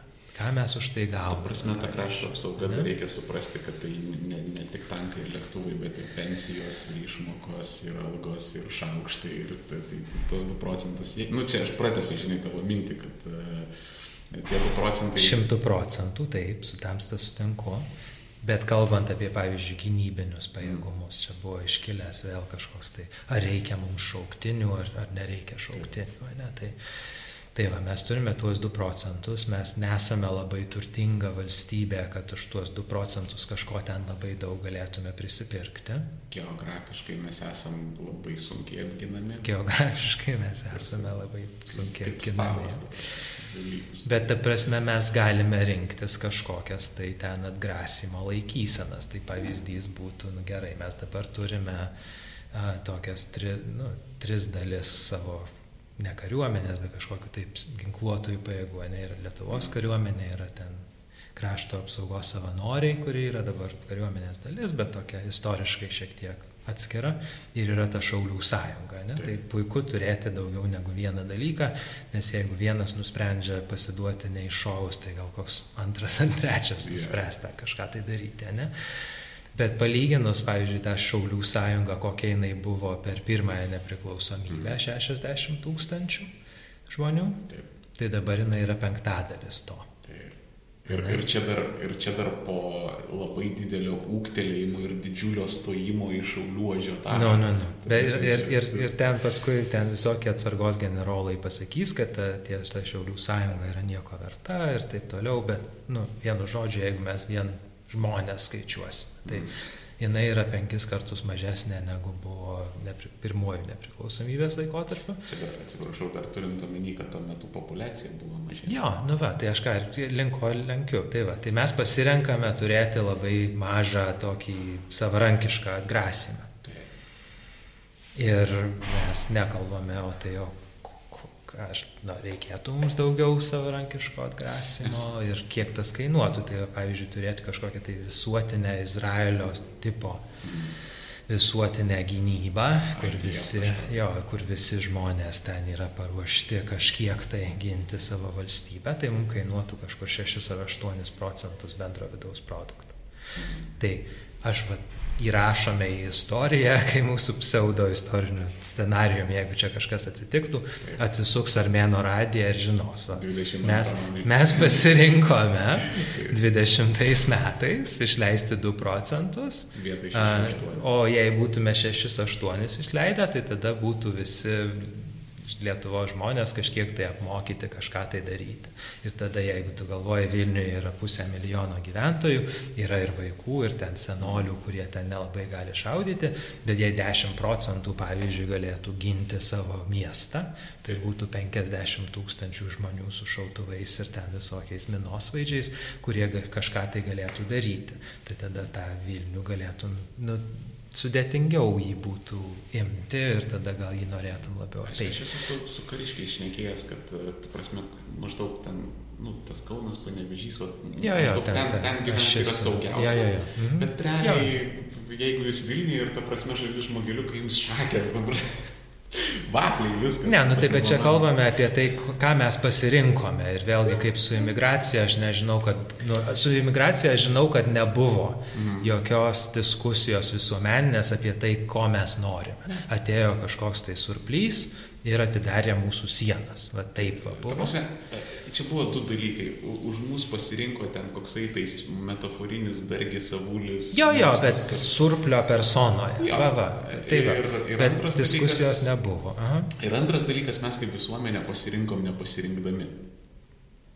Bet tai, nu, bet tai niekas nedavė mums tos galimybės. Nu, tai... Ne, nedavė, bet mes kaip ir kaip visuomenė per smarkiai ir nesielvartaujam, kad ta prasme kažkas atėmė iš mūsų tą galimybę Čia taip labai generalizuotai aš pasakysiu, bet žinai, kaip ir nesijaučia to tokio, žinai, šoko, kad supranti, uh, nes, nu, re realiai, uh, ta, ta, ta pati Mark Blythe, pacituosiu, žinai, su migracija, mm -hmm. grįžtant, uh, mm -hmm. sako, va, aš kai esu tam, žinai, aukštesniam tax bracket, aš ten, žinai, profesorius, ten ir profesorius, ten visą kitą. Tai sako, žinai, migracija mano neighborhoodė, tai yra žmogus, ja, gerai, ja. kuris ateina, žinai, ir, ir, ir turės daug egzotiškų receptų, žinai. Mm -hmm kuris puikiai šneka ten angliškai, ten visą kitą, visą kitą. O migracija tam, žinai, darbininkiškam įbrūgudė, tai yra visai kiti dalykai. Ir, Jo, čia buvo Lietuvos banko konferencija, buvo kažkokia moteriškė ten iš Harvardo atvažiavusi, mm. kalbėjo, ka, kokias visuomenės grupės labiau įtakoja ta imigracija teigiamai ir neigiamai, tai būtent mažiausiai ten kvalifikuotam darbui yra didžiausia, didžiausia grėsmė ir tie būtent žmonės juk važiuoja į tas visas Anglijas, Norvegijas. Tai va, tai mes renkamės per savo politinį procesą tokius sprendimus imigracijos srityje, gynybos srityje ir panašiai. Ir ir taip ir gyvena. Sakau, ir vėlgi, dažnu atveju mes juos pasirinkam, nepasirinkdami, ta prasme, kai, kai už mus padaro tą pasirinkimą, mes nesiaubingai pyksime. Ne, nu tai tada mes ir turime tas... išmesti visus tuos vagius iš Seimo ir naujus iš Seimo. Šakio. no, su padangas deginti ir su raudon, ten geltonom liemenėm stovėti. Atvirai pasakius, atvirai pasakius, jeigu nebūtų buvusios tokios emigracijos iš Lietuvos po krizės, aš, aš manyčiau, kad e, bent e, kokie du, du perversmai turbūt būtų įvykę. Aš bebaimė. jo, jo, tai čia toks išleidimas garo yra. Jo, jo. Vietoj to, kad tvarkytumėmės Lietuvoje, mes išvažiuojame ir kažkur ten gyvenam. Jo. Ir siunčiam Instagramuose kažkokius ten, kaip gražiai Maljorkos atrodo. Jo, klientas. Bet žiūrėk, čia e, ateis toj e, piktos e, tetos ir mus išvaikys. Ir man atrodo, mums reikėtų pasibaigti šitą nuostabų pokalbį, bet su tavimi mes vis tiek nebaigsim, nes aš manau, tu vis tiek pabūsi svečias, mes tikrai čia neišnekėjom visko, ką galėjom išnekėti. Tai bet kuriuo atveju, Navickai, dėkui tau, kad atėjai Dėkoju tamstai. Pašnekėjai, dėkui tau, kad atvarėjai ir iš to San Francisco bandai, žinai, čia kažką padaryti, stojai į šaulius ir ten. Palačia Šuraivas, man atrodo, yra sakęs, kad bandai tą savo kvadratinį metrą kažkaip, žinai, sutvarkyti. Ir jie prašė visiems uždėmesi, ačiū visi, kas žiūrėjot. Parašykit komentaruose, jeigu norit matyti daugiau Navicko. Tai pakoreguosim atitinkamai, jeigu, jeigu labai daug norės, tai padarysim greičiau. Ir jeigu apskritai patinka jums Armėno radijas ir nesate jo dar profinansavę, tai apačioje yra ten visi linkai Patronas Palutskai. Aš tave stebiu. Uh, visi linkai Patreonas yra apačioje, galite įmesti ten pinigėlių, kiek negaila, o tie, kas jau esate profinansavę, tai hybridai esate, vo, ačiū Jums labai labai, laimės sveikatos meilės Jūsų namams ir šiandien baigėm su Davicku. Dėkui tau, daug žaidimo.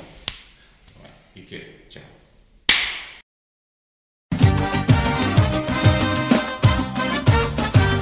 شبا دبا دشت شبا دبا دشت شبا دبا دشت شبا دبا دبا دشت شبا دبا دشت شبا دبا دشت شبا دبا دشت شبا دبا دبا دشت زیراخچیک این چه